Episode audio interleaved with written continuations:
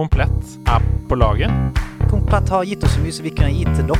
Komplett er så innmari hånd i Komplett er på laget på nerdelandslaget. Trusted by geeks. Ja, ja, ja.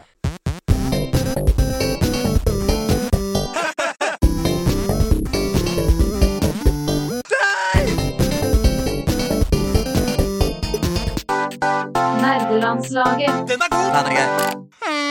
Yes, endelig er vi her igjen, eh, folkens. Hjertelig velkommen til nerdelandslaget, kjære nerdelandslagsmedlem. For på deg drakten. Det skal koses litt grann nå. Ah, jeg gleder meg til denne dagen her hver eneste uke. Hver eneste våkne time. Nå er han her, og jeg koser meg allerede. Vi er ti sekunder inn, og foran meg i Oslo eh, over, Overwatch-klubb. Eh, altså, han uttaler det på en annen måte, han skal sikkert irettsette meg nå. Andreas Hedemann! Yes, indeed. Oh, er som en slags creepy butler gone evil.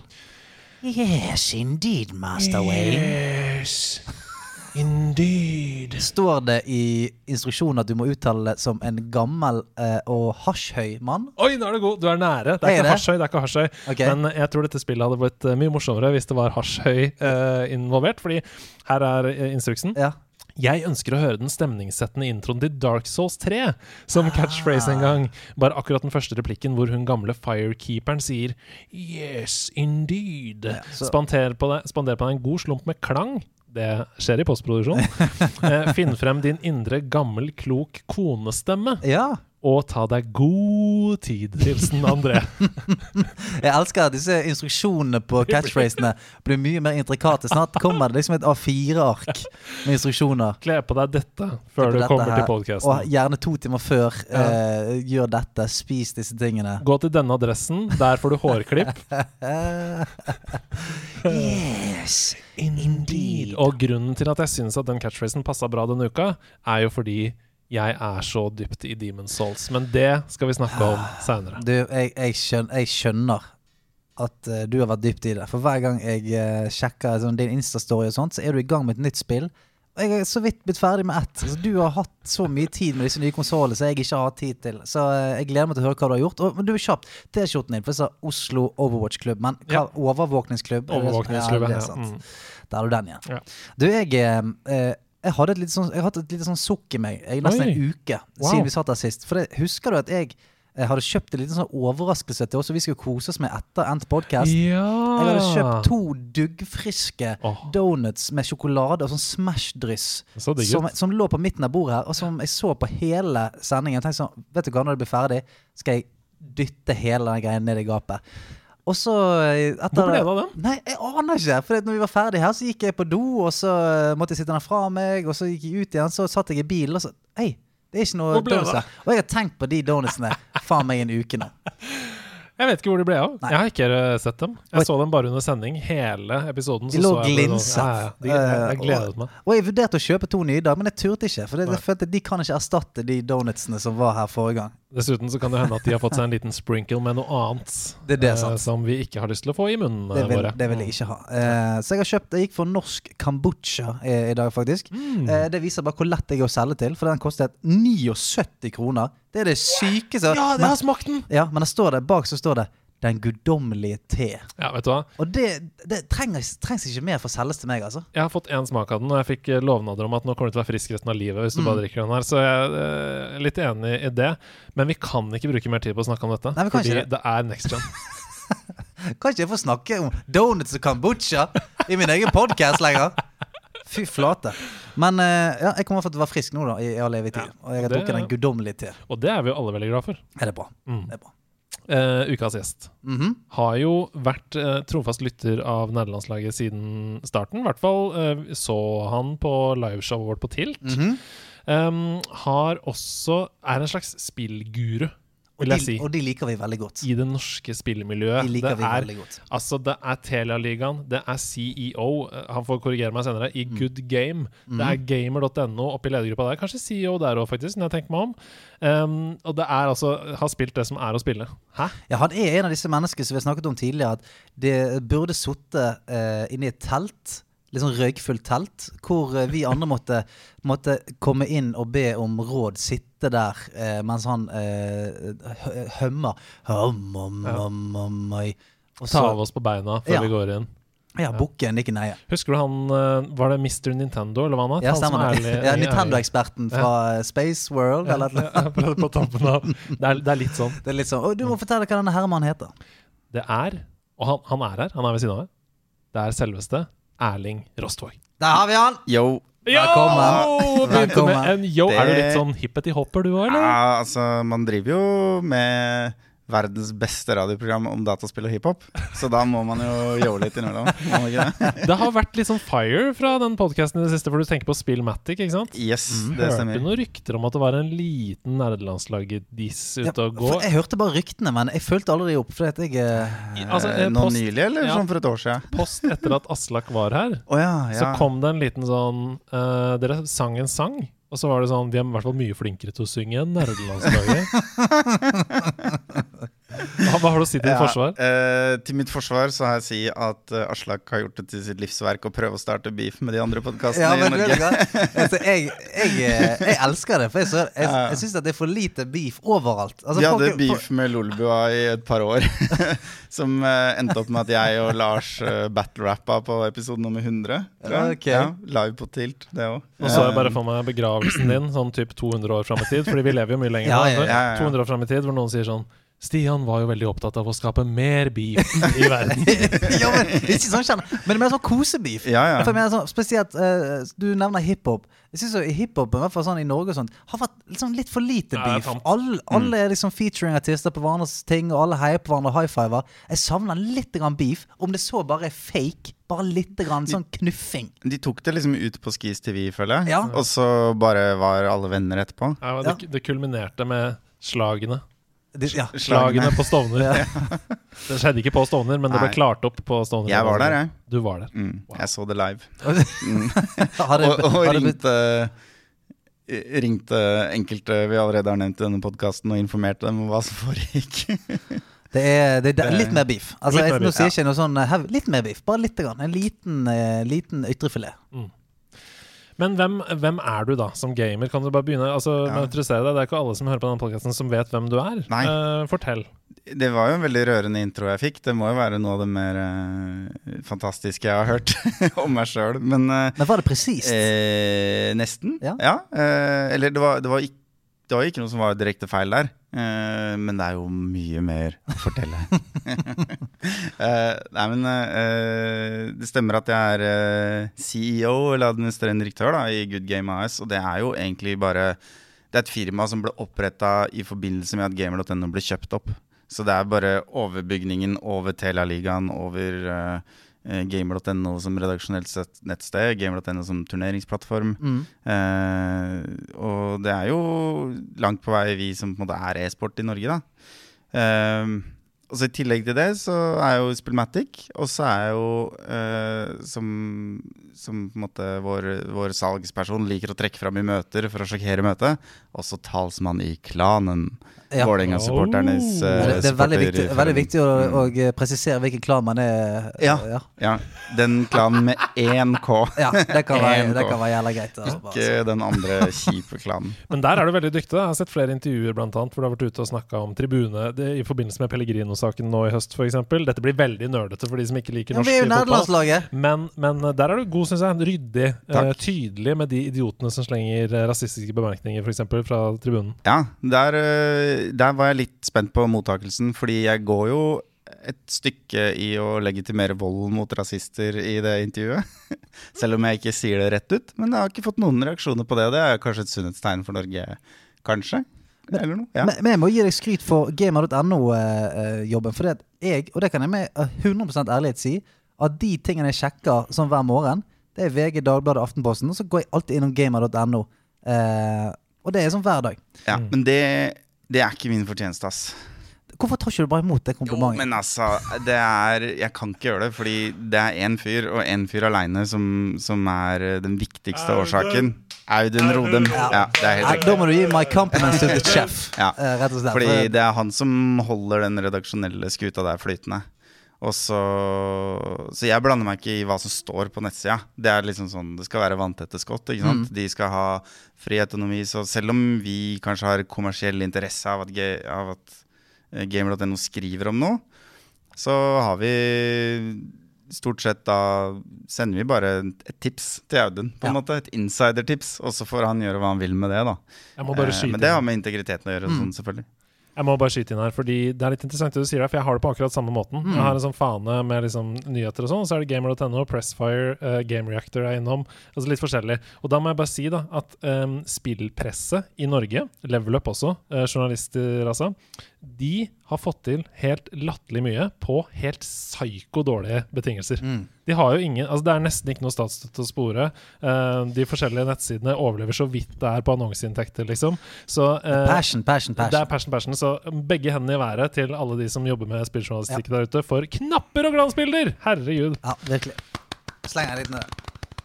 Ja, nei, uh, i, vi i gamer.no sitter nok bedre i det enn mange andre. Men det er jo langt på vei e-sporten som finansierer journalistikken her, da. Det er ikke til å stikke under en stol.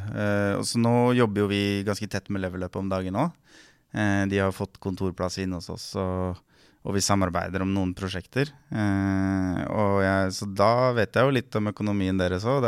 Som du sier, det er jo ikke noe statsstøtte å hente. Det er ikke noe det, er, det er veldig vanskelig å, å satse på det. Og den, den runden som på en måte skjedde for noen år tilbake, når liksom VG og Dagbladet alle liksom bare kutta spillsatsingen Mm. sin og nesten over natta, det, det, det hadde potensial til å bare drepe norsk spilljournalistikk sånn helt og holdent. Mm. Så det at eh, folk som eh, Erik Fossum eksempel, i Pressfire fortsatt holder det gående, er helt, helt utrolig. Ja, altså, det har jeg respekt for. Eh, for det der tror jeg går eh, det, det, det tærer på, altså. Å holde, å kjøre, holde det kjøret de gjør, med det som jeg antar er relativt uh, lite inntekt. Men det, det som er sånn Jeg prøver alltid å se en eller annen sånn positiv uh, bieffekt av motgang. Og det, sånn, det jeg tror, da, er jo at siden norsk spilljournalistikk har holdt ut i så harde kår, så vil jo det eh, Og det, betyr, det er jo et veldig sånn kvalitetsstempel. Det betyr jo at disse folka her de jobber eh, 100 passion-drevet. Dette de elsker å gjøre, og de kunne ikke tenkt seg å gjøre noe annet. Sånn at hvis det skulle komme mer, eh, mer penger inn i, i spillpressen, så er det på en måte de rette folka som får det. Ja. Eh, kontra hvis det hadde vært sånn eh, eh, By default så tjener eh, spillanmeldere en million kroner i året. Da hadde det på en måte eh, Du kunne blitt tiltrukket av det for pengene sin del. Og ikke Ja, eller om det blir sånn her karrierestepping stone inn i sportsjournalistikken eller et Ja, eller annet sånt rart. Liksom. Ja. Mm.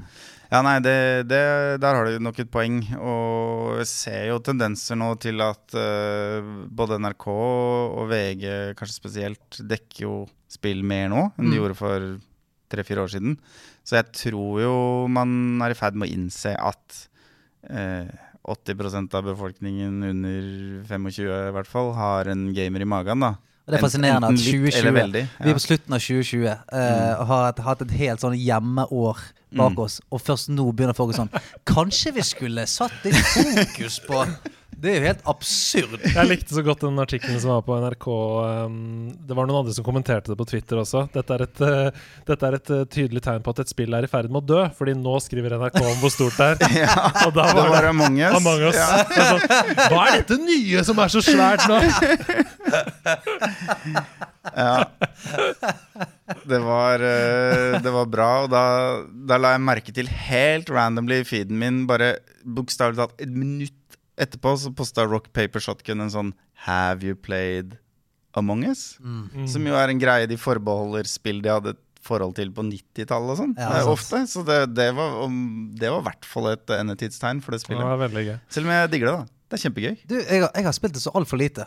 For jeg har ikke nok venner. Men uh, det virker veldig gøy. Vi er dine beste venner, vi. Det er, eh, det er, er veldig viktig å ha en gjeng som, som passer deg Mm. når du spiller det spillet. Det er veldig sant, ass. Og det er på en måte Det er ikke sikkert at det er en fasit på hvordan man skal spille det, men det er veldig viktig at alle som er med, er litt enige om hva den fasit eller er for din gjeng, da. Åh, det er så Og det er- visord. Det er derfor det gjelder å Jeg har egne Discord-kanaler jeg er med i utelukkende fordi jeg veit det er bra Among us-folk der. Ikke sant? Mm. Så blant annet eh, eh, discorden til F1-miljøet, altså de som kjører Formel 1-dataspill.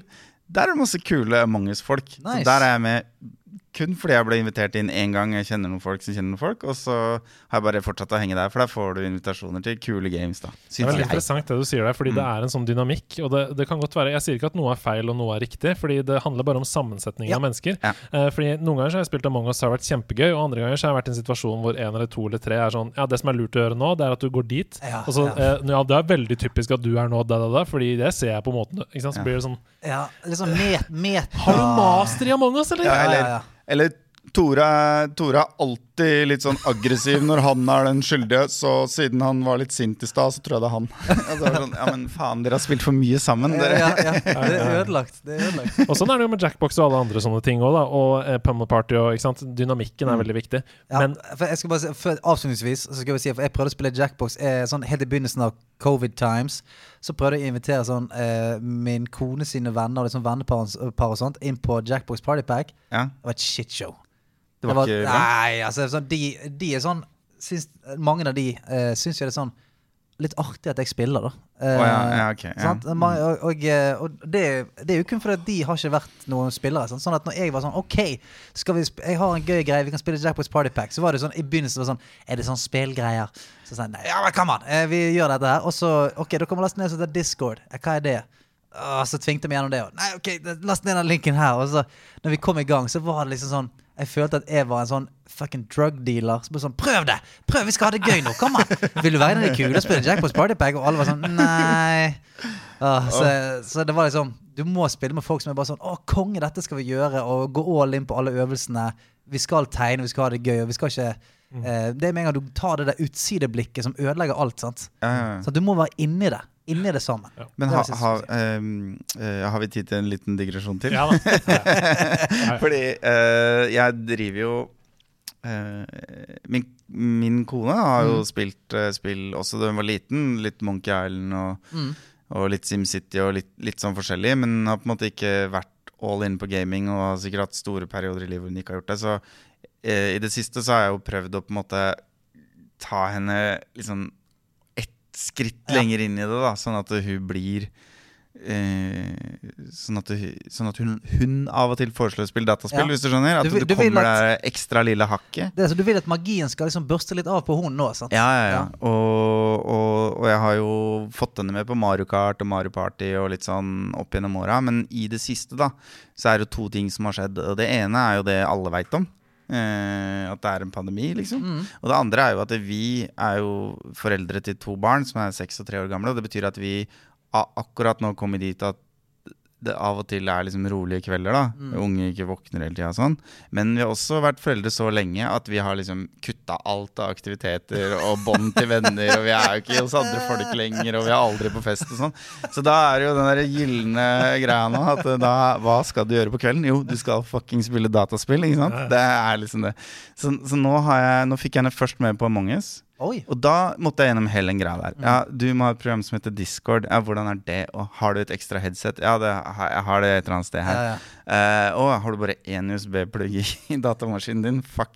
Uh, så må på Claes Olsson og kjøpe USB-splitter for å få både eh, mus og, eh, og headset. Ikke sant? ja, for når du først Ja. får lo, sant? da er det Ja, ja, ingenting som kan stoppe deg. Det er sånn, da, da er jeg villig til å kjøre til, til faen meg Drammen for å kjøpe en jævla eh, kabel til deg. Ja, ja, men så nå har jo liksom Among us har jo blitt vårt nye fest, på en Mm. måte. Ikke sant? Sitter og drikker litt og spiller og sånn. Det er koselig. Og så har jeg faen meg fått henne til å spille Diablo 3. Oi, oi, oi, oi, oi.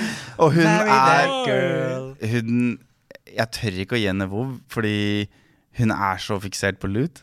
Og jeg er sikker på at hvis jeg gir henne World of Warcraft, så ødelegger jeg livet hennes. Ja, ja, Eller gi Ja. en sånn Borderlands 3 eller uh, Division 2. Ja, men hun er ikke noe glad i skytinga. Nei, Nei. Eh, for det er eh, Men det det egentlig begynte med, var at hun ble hekta på Breath of the Wild og liksom runda det sånn Mm. ordentlig. Sånn virkelig gjorde bortimot absolutt alt i DLC-en og Ja. alt. Men det er jo Hun liker å utforske, samle, lete, og så er hun ikke så glad i slåsskampene. Og det handler jo bare om at for dere for, og meg som har spilt spill siden vi var drittunger, så så er det en del sånne eh, mekanismer som bare er Det er lettere tilgjengelig. Altså Terskelen for å bare mestre å hoppe til siden og slå noen i ryggen er liksom så mye lavere. Ja, sånn, du vet at du går, Hvis du går inn i et actionspill, så er sånn Mest sannsynlig så dodger jeg med runding. Mest sannsynlig så Mm. Slår jeg ja, med ja. firkant. Men, så du bare, det, sånn, det, det ligger ikke langt ifra i det Nei, hele tatt. Du prøver litt i 20 minutter, og så sitter det godt nok til at du kan komme deg gjennom. Mm. Mens for henne så er, og spesielt da uh, skytespill, da, er, er en skyhøy terskel, og, og da er det ikke så gøy. Mm. Eh, så, så derfor så er kanskje ikke borderlands greia. Men Diablo, vet du, det er lett. Bare klikk, klikk, klikk, klikk, klikk, klikk, Vet du hva? Altså, dette er genialt. Først og fremst gratulerer. Og Ja. eh, nummer to, dette her er jo til stor inspirasjon for, for alle oss som prøver iherdig eh, hver dag å kjøre til Klasse Olsson for å kjø, kjøpe utstyr, sånn at det går an å få til dette. Ja, nei, så nå, nå, er det, nå er det i gang, og nå eh, eh, har jeg har fått meg Xbox, vet du. Sånn Ja, ny. ja, ja. Sånn ny og, og shiny. ikke dette er en fin overgang da, til det vi skal ja. snakke om nå den neste halvtimen? Der, jeg må bare si det, der er det jo noe som heter GamePass, Mhm. og da følger jo med Mass Effect 1, 2 og 3. Yes. Mm. Så det, installerte det følger med 500 timer med Ja, spilling. Jeg har, jeg har runda de tre. Jeg har aldri spilt Andromeda, så jeg lasta ned det òg. Så ga jeg bare ga Mass Effect til kona mi, og så var hun sånn litt intrigued. Og så første brettet Altså, det, det spillet har ikke tålt tidens tann. Sånn, kontrolleren er ganske Nei, nei. janky, og det ser ganske ræva ut og sånn. Så hun klagde gjennom hele første brett, gjennom hele Eden Prime. Bare, «Åh, men jeg tror kanskje ikke det er noe for meg. Og, og så bare litt, litt, litt. Nå har hun løpt rundt i den jævla byen og lette etter lunt. I fucking ti timer og snakka med folk. Hun er, ikke, hun er ikke interessert i å forlate The Citadel, det er men hun elsker det liksom. Hun er superhooked. Liker, liker det sosiale aspektet. Ja. Preike litt. Hva, hvilken planet er du fra? rollespillinga. Ja, ja. Oppdragene. Ja, ja. Samlinga. Høres ut som Breath of the Wild. Det er jo Ja. samme med Camilla, også kona mi. Det er jo sånn, eh, Hun var også gamer gjennom hele oppveksten, og sånne ting men har hatt store perioder uten. Og så Breath of the Wild, og så boom! Og nå er det alt, liksom. Ja, ja. Men, Gateway drug, det der, ass. ja visst. Men uh, dette er en nydelig overgang, fordi jeg tenker at vi skal bli kjent med deg uh, litt senere, med spillhistorien din, og grave i spilløyeblikk og sånne ting. Men la oss bare snakke next gen nå. Ja, Vi har, vi har gått uh, vekk fra nyhetsspalten denne uka. Mm. Dette kommer til å blande seg inn med hva spiller du om dagen. Yep. Fordi, folkens, PlayStation 5 er her, Xbox Series X er her. Yep. Det har kommet nye grafikkort til PC-er. Mm. Vi kan ha deiligere spilleopplevelser enn noensinne. Og selv om um, det har vært litt lite Xbox-fokus i denne podkasten, Mhm. naturlig nok fordi det ikke har kommet noen eksklusiver til den nye next gen Xboxen, så vil det også komme. Fordi du har jo også Xbox Series Yes, X hjemme. yes, yes, yes. Og vi skal få tak i en til. Men denne uka blir det naturlig nok mest fokus på PS5. Men la oss høre om din opplevelse med Series X først. Ja, eh, litt kontekst, kanskje. Jeg har alltid vært en PlayStation-person. Sånn som 90% av Norges befolkning, av en eller annen merkelig grunn. Og det er sånn- veldig viktig å få etablert. Ja. Det er jo også en grunn til at vi ofte snakker ja. om PlayStation her, fordi ni av ti spiller PlayStation i Norge. Ja. I Norge, i motsetning til USA, for eksempel, hvor Xbox 360 i hvert fall var liksom den suverent største konsollen. Mm. Så det, vi er sånn annerledesmarked. Men øh, jeg har jo vært PlayStation siden PlayStation 2, cirka. Mm. Og, og Xbox One er kanskje den konsollen jeg har eid som jeg har spilt minst på. Mm. Enten det eller Wii U. Men det er faen meg tett konkurranse liksom, mellom de to. Det sier ikke lite, da. Uh, og nå har jeg fått meg en jeg kjøpte jo Series X. Jeg pleier aldri å kjøpe Xbox på launch, det pleier å komme litt sånn etter hvert. Mm. Men nå kjøpte jeg Series X fordi jeg ble så sur over at jeg ikke fikk PlayStation 5. og da satt jeg klar, liksom. Og så fikk jeg meg en på dagen. Og det må jeg si at nå Nå er det hver dag, liksom. Mm. Skru den på. Til og med hjemmekontor. Spiller i lunsjen. Det er perfekt. Er jo, altså virkelig. Og, og, og, og det er litt sånn sjukt å tenke på, fordi det er jo en ny konsoll. Det er sånn når du kjøper ny gaming-PC, så det første du fyrer opp, er liksom minesveiper. Ja. Du, av en eller annen grunn så tar du alltid opp et drittgrafikkspill. sånn det første. Eh, men Så jeg sitter liksom og spiller gamle spill. eh, men jeg elsker det, og jeg får jo testa pga. GamePass får jeg testa masse som jeg ikke har spilt før. Så jeg har vært innom Hollow Night, f.eks., Mm. som jo virker som en liten perle av et spill. Fantastisk. Eh, og min, det som jeg virkelig Det er første spillet på lenge hvor jeg bare har mista track of time. Mm. Ordentlig. Ja, det er, det er eh, Nei, men det er Subnautica. Oh, ja! Som jeg Ja, testa ja, ja. nå i, Wow. for første gang for et par dager siden. Det er ganske fett, det. Ja, for det er liksom Minecraft med litt retning. Mm. Ja, men så og, er det, eh, Scary òg, da. ja, Ja, altså, stemningsfullt jeg, på surround-anlegget der. Jeg har spilt det ganske mye på PC, og eh, det som uh, det var for meg, er sånn at det, altså Jeg tror de fleste som dykker og sånt, og de som uh, gjør det, tror jeg liker det pga. den roen som det Mm. gir. Du er under vann, du flyter. Det eneste du hører, er sånn Mm. Det er det du hører. Og litt den feelingen er det med Subnautica òg. Mm. Du føler den roen. Du føler liksom Selvfølgelig det er litt sånn skummelt og og uggent og sånt, men det er et eller annet med å være i det vannelementet, nedi der, grave, fyke rundt, som bare gjør du, du, du er på en annen planet. Under vann er jo faen en annen planet, uansett det. hvor du er. Ja, og du er på en annen planet. Ja, du er Ikke faktisk på en annen planet. Ja. så, så det er eh, double, eh, double up. Men jeg, jeg elsker det fordi eh, det er sånn perfekt pacing på det. Fordi du starter liksom med den der klassiske 'hva skjer hvis jeg slår denne tingen'? Mm. Og så bare plukker du opp alt du finner, og så finner du ut at halvparten er ubrukelig. Og så blir du litt mer målretta, og så plutselig, når du har gjort noe greier, så kommer det noen meldinger på radioen din, og så viser det seg Faen, det er story her òg, liksom. Jeg trodde det bare skulle være sånn Survival, ja. liksom. Og så Ja, det er story, ja. Å, den er litt interessant. Og så Å, kan bygge base. Og, så- og så er det i gang. Da er det liksom. kjørt. Det Og det, og det at den basebygginga ikke bare er en Er bare sånn Her har du en haug med legoklosser, sånn som det er i Minecraft. Det er fett, det har sin bruk, men det at du liksom her Du må finne spesielle rom, og de har sin funksjon, og du kan liksom Det er en slags begrensning da i hva det er vits å gjøre. Mm. Det, det gjør at jeg, som en fyr som har mye mindre tid til å spille nå enn jeg hadde før, kan liksom cope med skalaen på det, Mm. og, og fortsatt eh, å spille. Så jeg er helt frest på det spillet nå. Hvordan vil du si at det kjører på den generasjonen her på Xbox Series X? Altså, Merker du lastetidene? Er, hvordan er de? Sånn, Nei, første gang jeg starta opp, så tok det litt tid. Men da tror jeg den genererte verden Mm. på en eller annen måte. Eh, og etter det så er det Ja, det sier sitt at jeg ikke har tenkt på det, da, kanskje. ja, du bare skrur på, så er du der, liksom. ja, ganske, ganske umiddelbart. Men GamePass, det, det skrøt jo jeg, jeg av veldig forrige uke. For da hadde jeg testet Xboxen eh, et par dager. Og jeg må si at jeg er helt, eh, helt solgt på GamePass. Mm. Helt 100 solgt. Eh, for jeg òg har liksom eh, tasset litt på det denne uken her og sånt òg. Og det å bare gå inn i GamePasset, og så ser du det er, For det er, det er hundrevis av spill der, og det er ganske mange gode spill. Eh, og for meg var bare sånn Ok, der er Ori. Begge Ori-spillene. De har ikke spilt. Laste ned det ene, ene. Spill litt på det. Ok, nå er jeg litt lei det. Gå inn der. Å, faen, Gears of War 5, det har jeg ikke prøvd. Laste det ned, spille litt på det.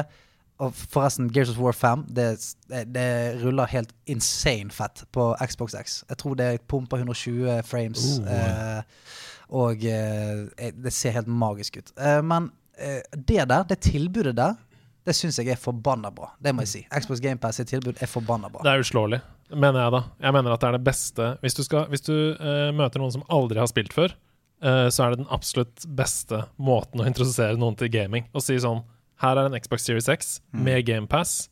Vær så god. Du er set for life, på en måte. Altså, hvis du, du, du har perler for, i bakover i tid, de aller beste spillene som har kommet, med unntak av eksklusive på andre uh, plattformer, og du har tilgang til alle Xbox-eksklusiver day one. Ja. Altså på release, Ja, nå så kommer de inn i GamePasset. Og nå sa jo Men òg hvem er det egentlig?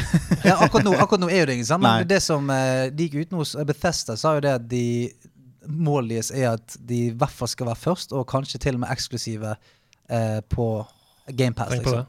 Holy shit. Mm. Da gjenstår det bare at Bethesda blir et bra spillselskap igjen. Make Bethesda great again! ja. Nei, men sånne, sånne ting kan jo ende opp med å komme videre, i og med at de har kjøpt så mange spillselskap. Ja, ja. Så kan det være at sånne deals kommer rullende ut, sånn, som selvfølgelig ville vært et powerplay. Og da er jo det, som du sier, helt insane å kunne bare få de inn i Det må jo være timed exclusives, da. Det kan godt være, Ja. men allikevel er timed exclusive. Ja, altså, hvis du kan få jeg- de tre måneder før alle andre og spille det gratis, eller gratis og gratis, men spille gjennom GamePass-abonnementet du har, pff, det er jo helt kickass. Men bare spill som har store følgerskarer, da, sånn som Halo Infinite eller Fable. Mm. Altså Day One, inkludert et abonnement som ikke koster noe særlig. Liksom. Jeg syns det er helt sjukt. Ett Det Et, et spill på PlayStation koster 800 pluss. Ja, det er, Ja, det, det, det, det er ikke mange frittstående spill du skal kjøpe før det regnestykket der blir ganske enkelt. men sant, det er jo det som er greia med PlayStation 5. Sant? Det er at, uh, at eller PlayStation Exclusives De har jo historisk sett vært Altså, knusebra. det er så bra. Must plays. Ja, ja. Mm. Og det er jo derfor eh, Det er jo derfor man må ha Man må nesten ha begge. Det er jo helt sykt å si, Ja, ja. men det er sånn, man burde nesten ha begge to. For det er et sånn I hvert fall hvis man er sånn som oss. Ja, hvis du er en grisenerd, så er det sånn In the long run så bør man kanskje det. For det, når det kommer et nytt God of War-spill Når det kommer eh, Sånn som vi, vi kan snakke mer om det etterpå, men vi har begge spilt Miles Morales, det nye Spiderman-spillet, som er jævlig fett. Og det tidligere Spiderman-spillet er også ganske fett. Det kommer ut Horizon. Det kommer ut jævlig mange fete eksklusiver som er bare sånn de må du spille, på en måte. Du, Ja, ja. du kommer ikke unna det. Jeg har liksom skyldt på at eh, jeg jobber med det i gåseøynene. Ja, Eh, så jeg må, jeg må ha en Xbox også fordi jeg skal anmelde Xbox-spill, liksom. Mm. Men eh, eh, så, øh, men nå, nå, nå begynner det å bli vanskeligere å liksom si at du skal ha den ene eller den andre. Da, for det, som du nevner, da, Horizon for eksempel, er jo Mm. Ja, et ja. av de spillene jeg gleder meg mest til i hele verden. Og Det blir helt insane. Og på toppen av det hele- Jeg sliter med å vente på det. Ja. På toppen av det hele så må du jo, må du jo ha en Switch altså. Det må du jo. Der er det i hvert fall eksklusiver som er helt uh, Altså, du må spille. Men Switchen er rar. Fordi jeg spiller så jævlig mye på den i perioder, og så rører jeg den ikke en måned eller to. Jeg har, det, jeg har akkurat det samme. Jeg er sånn uh, I en sommer uh, Sånn sommerstemning, for eksempel. Der jeg liksom er litt ute i hagen eller er på reise sånn. Spiller dritten ut av den. Så tenker jeg, hvorfor spiller jeg ikke dette her mer? Og så er det som du sier. Altså jeg, Når vi skulle ta ut minnekortet eh, fra switchen min og drepe det for å spille en podcast, så, eh, så eh, Da var det støv på den, liksom. For jeg har ikke spilt på den på flere måneder. Og det er jævlig trist. Men du, altså det, det er den store forskjellen på deg og meg, da. Fordi eh, jeg har nå hatt en lang periode uten å spille noe på PC. Mm.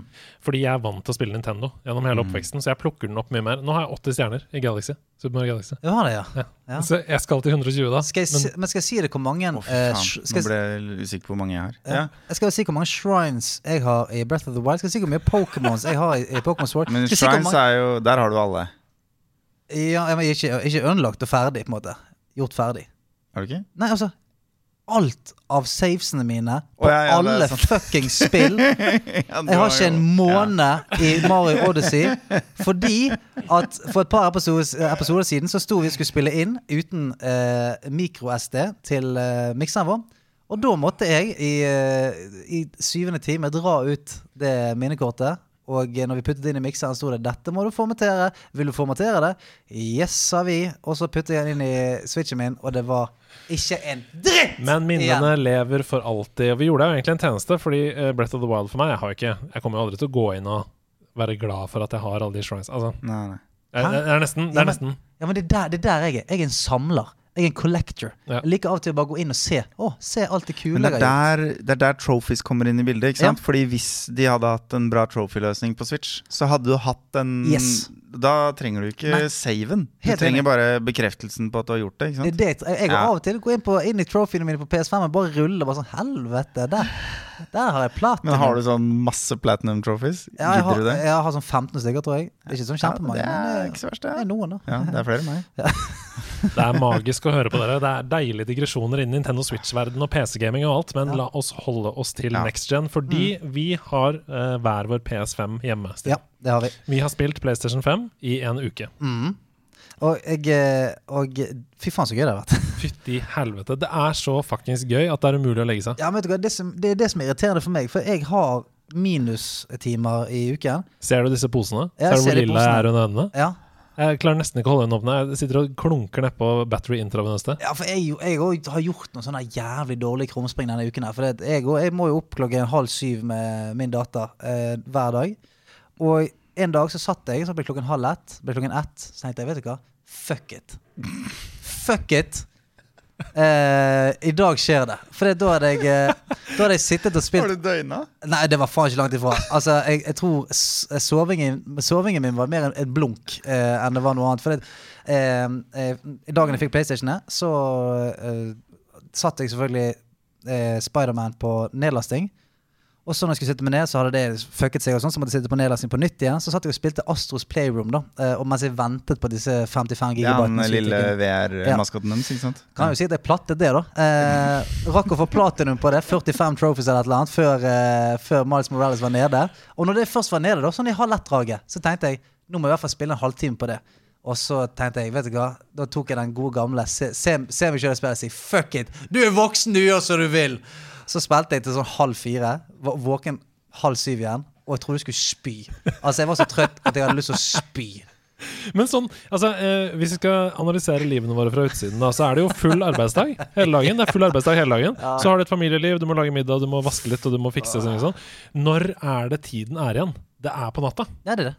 Ja, det er fra åtte-ish. Ja, fra åtte ish, og da kan du bestemme da, om du skal gi deg klokka elleve etter tre timer, eller om du Det skal gå seks timer. Nei, skal du gi deg som en pingle? Eller skal du Ja. faen stå i det? Nei, jeg, jeg merker nå at jeg er på, inn, på vei inn i et usunt mønster hvor jeg på en måte ofte eh, ikke sovner før sånn to og tre og sånn. Mm. Og jeg, og, ikke sant, jeg har også barn. Ja, ja, de skal i barnehagen, de. De skal i barnehagen, de. Ja.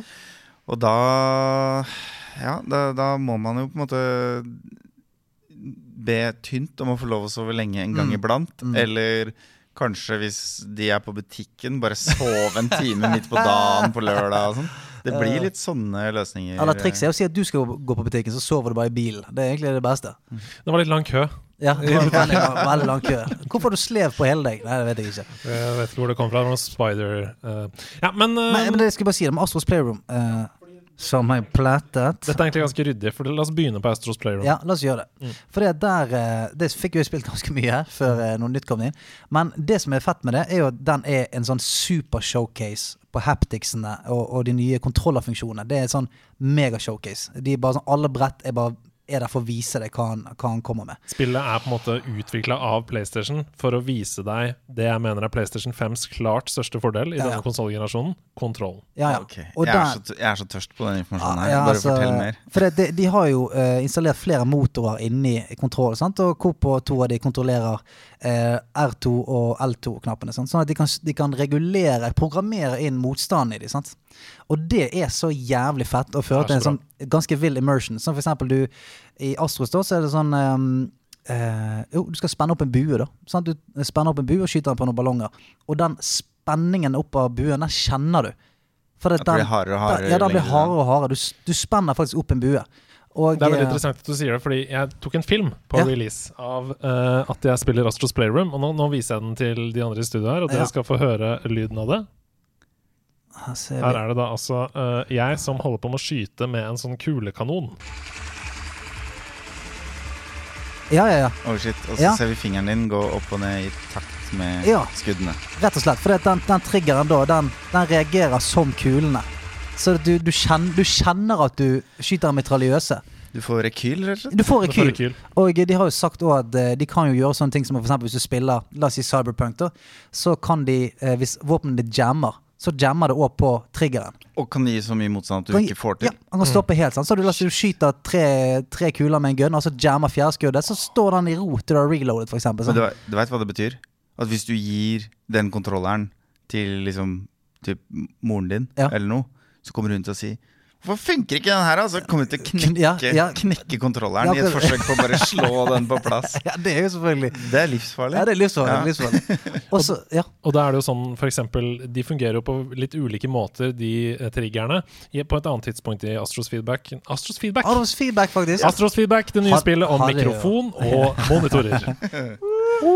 Nei, uh, i Astros Playroom så um, er du en robot. Du har to robotarmer, og så trekker du i en spak på venstre side av en sånn enarmet bandittaktig maskin, Mm. hvor du henter ut glassballer.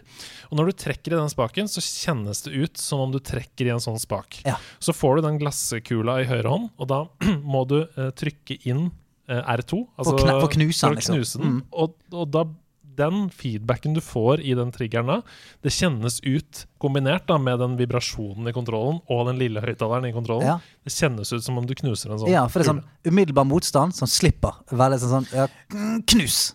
Men jeg husker eh, da Switchen kom, Mm. så var jo jævlig imponerende liksom rumble i den. Det der, hvis du spiller et spill hvor du skal gjette Mm. hvor mange One. Ja, ja. kuler det er inni en sånn treboks og bare helle på. Jeg ble veldig blown away av hvor godt laga det var, men jeg har vel egentlig til gode å spille et spill som bruker det noe særlig, eller på en god måte. Eh, så det er jo kanskje det neste her nå, da. Blir det Altså, ok, våpen. Åpenbar, eh, åpenbar greie, liksom. Men bortsett fra det, hva, hvor, hvor Altså, kommer vi til å merke det? For å bruke Astro igjen, da. For Mm. Astro er jo en tech-demo, men det er eh, hold dere fast, altså, det er et fullverdig spill. Vet du, Jeg hva, synes et ganske godt plattformer, faktisk. Kjempegøy. Nei, det er ikke gøy. Jo, det det er faktisk kjempe- altså, jeg, jeg, jeg, gøy. jeg tok det Platinum? Trophy. Jeg hadde ikke giddet hvis ikke det var gøy. Det er Jeg faktisk trodde det ganske var gøy. fordi det var det eneste du hadde å spille. Det er litt det òg, men eh, For eksempel da, på et annet tidspunkt så får du kontroll over en slags apedrakt, hvor du Ja. må klatre. Og da må du klatre med høyre hånd, og så med venstre hånd. Litt som i Grow Home. Husker du det lille eh, spillet hvor det, som var en slags ja, Samme det. Ja. Du må klatre med høyre hånd og venstre hånd oppover en vegg. Og da må du tilte kontrollen. Du må tilte kontrollen. Du, du du må grabbe tak Ja. med de triggerne, og det er helt eh, ut fra hvor hardt du trigger. Fordi noen av de tingene du skal holde fast i, de knuser hvis du trigger for hardt. Oi, shit. Det er, Ja. det er masse sånne ting. Mm. Um, du har uh, den ballen, den kula, som du må styre flata og flikke fram og tilbake og sånn. Det det er dritfett. Jeg digger Ja, det. det er veldig fett. Og så den, eh, den feedbacken som du får i kontroll av omgivelsene er ganske unik. Det er sånn eh, Hvis det hagler, altså, så kjenner du på en måte haglet i kontrollen, kontra hvis det blåser eller hvis det regner, som er en mye mykere feedback. Eh, og hvis du går på is, så kjenner du også den feedbacken kontra hvis du går på gress. da Sånn at den immersion Og og jeg, eh, eh, jeg har jo også Jeg vet ikke om du eh, har det også, men jeg har sånn 3D-headset med 3D-lyd. Og eh, alle de tingene sammen her gjør at du fuckings forsvinner langt inn i TV-skjermen. Og her er genistreken, da. Fordi det som uh, jeg føler må ha skjedd her, det er at noen teknikere, noen utviklere hos Sony, de har sett seg selv i speilet og tenkt vi kan ikke slå konkurrentene på datakraft i neste generasjon. De kommer til å være like kraftige, de konsollene. Eventuelt kanskje til og med enda litt svakere, vår konsoll, enn motkonsollen, altså Xbox Series X. Hva skal vi gjøre? Vi er nødt til å skille oss ut på en annen måte. Vi er nødt til å lage et freaky design som gjør at den står ut kontra eh, motstanderkonsollen. Og vi er nødt til å legge fokuset på selve håndkontrollen. For hvis du tar en Xbox Series X-kontroll, det kan sikkert du utdype, da, og legger ved siden av en Xbox One-kontroll, så er det vel ikke så veldig stor forskjell. Nei, den er mer ruglete, da, så du blir ikke så klam i hendene av å holde på den. Men Mm. ellers er det jo stort sett det samme. Og en ting jeg var litt skuffa over, faktisk, og det er at den D-paden Uh, Den er ikke lenger et kryss, den er tilbake til å være en sånn skål. Ja, det stemmer sånn det. som, Ja, det stemmer sånn som det. han var på 360. Ja. Mm. Og, og da, da jeg prøvde å spille slåssespill på 360, så konkluderte jeg med at det går ikke på denne maskina. Nei, Fordi den klarer ikke det er, det er for liten forskjell mellom å trykke sidelengs og skrått ned. ja, ja, ja. Ikke sant? Så det, det har jeg ikke testa på den nye D-paden. Men men jeg må sånn- innrømme at jeg ble, fikk litt mange anelser, faktisk. Men. Skåldesign sånn generelt er ikke noe gøy å ha på en kontroller, liksom. Nei, jeg vil ha det reine korset. For det er veldig sjelden jeg bruker det. Men de få gangene jeg bruker det, er f.eks. ekstremt viktig med presisjon. da Mm. Mm. Super Mario Ga- Galaxy, for eksempel. Jeg bruker jo eh, analogsticks hele tiden. Mm. Bortsett fra når det er mikrotynne ting jeg skal gå Ba- på. ja, ja. Og det er piksler det er snakk om, da. Fra venstre til høyre, liksom. Da bruker jeg alltid D-pad. Mm. Uh, og ja, så jeg er helt enig der. Det er nødt til å være nøyaktig når du først skal bruke det. Ja. Ok, så uh, Astros Playroom, konklusjon. Har du lyst til å gi det en karakter, eller? Du, men altså sånn altså For å være det det er, som er som sagt, det er en tech-demo som følger med PlayStation 5-en, så hadde jeg det dritgøy. Jeg syns det er skamgodt uh, laget som et spill. Med hemmelige collectibles og gjenspillingsfaktor. Høy Høy, gjenspillbarhet. høy, gjenspiller, eh, spe, høy gjenspillbarhetsfaktor. Og jeg, altså, jeg Ja, åtte av ti, da. Mm. Kan han spille to player? Nei, gjør det det? Det vet jeg Det ikke. vet jeg jeg ikke prøvd. Det, det tror barna. jeg ikke. Ja, det tror jeg ikke. Definitivt noe for barna, ja. Ja, ja å plukke opp og ta en bane, liksom. Men Ja. eh, som spill eh, ligger jeg rundt der også. Sju av ti. Som på en måte tech-demo. Ti Mm. Ja, ja, ja, av altså, ti. ja, Altså, fordi det har vært mye kjipe tech-demoer opp igjennom. ass. med, med en gang du får en PlayStation 5, så er dette det første du må gjøre. Og det, hver gang du får noen på besøk som ikke har sett en PlayStation 5 før, så er dette det første de må gjøre. Og bare den starten der, når det står sånn kontrolldemo, og du trykker på de Mm, triggerne, og det kommer sånn Ja, og, og du kan blåse i den òg, det er veldig gøy. Du kan Altså, blåse i den. Holy fuck, det er mikrofon på Men eh, kontrollen. batteritida på en så Som avansert maskin DualShock. Akkurat som DualShock. Ja. ja, Godt Men, nok. eh, ja, go- ja, godt nok. Det er jo det. Men eh, altså, selvfølgelig Jeg, jeg følte han drainet ganske raskt. Det følte Ja. jeg. Men eh, jeg satt jo der fuckings lenge. Ja, eh, tips. Lad i vanlig stikkontakt, ikke lad i USB-kabel i PlayStation. Ja, nei, det går raskere, det. altså Mm. Det går raskere det Mm. Men eh, eh, ja, dritbra. Altså, gi- altså, det som er gøy med det, er at de har litt sånn humor rundt seg sjøl. Eh, altså rundt hele PlayStation-historien. Og ha litt humor eh, altså, du, du nevner tech-demo. Jeg skal ikke spoile for mye, men det er jo en bane der som eh, En av de siste banene som virkelig sånn viser hva den første tech-demoen var. Og hvordan det har utviklet seg og sånt. Så det, så det er veldig, veldig, okay. veldig kult. Masse selvironi og en deilig, et deilig dypdykk i historien, egentlig. Men Andreas, du nevnte jo liksom Du, du hadde en idé her om hvordan ingeniørene har sittet og tenkt. Jeg tenker litt på hvordan det er de som sitter og eh, lager spill. Mm. Har sittet og laga spill til PlayStation 5 som skal komme sånn i eller rundt launch. Og så for et år siden, ganske seint i spillutviklingsløpet, så kommer en eller annen sånn mellomleder. «Øh, gutta, vi må, vi må ha en ny funksjon Ja, i ja. spillet vårt. Som, Vi må, vi må programmere kontrolleren feedback. Hvilke funksjoner? Hva kan vi Hvordan? Ja, ja. Og, og alle i rommet bare no. Åh, fuck. Crunch Enda en greie, liksom. Men ok, for å oppsummere litt det du sier der, da. Mm. Um, kontrollen Jeg har spilt både Overwatch og andre um, Destiny 2 uh, med på PlayStation 5. Uh, for det første, det er en urettferdig fordel. Det må jeg si med en gang. Å spille på PlayStation 5 Aim uh, kontra liksom. PlayStation 4. Eh, nei, nei, nei. Oh, nei. Fordi det er mye bedre framerate. Ja, Eh, Fiendene popper mye mer i motstanden. Plutselig over natta så hadde jeg mye bedre aim med McCree i Overwatch. Det skjer ikke fordi jeg har blitt mye bedre over natta. Det skjer fordi jeg spiller på en PlayStation 5, mens alle andre jeg spiller mot, spiller på en PlayStation 4. Mm. Så um, det, det må de adressere, tror jeg nesten.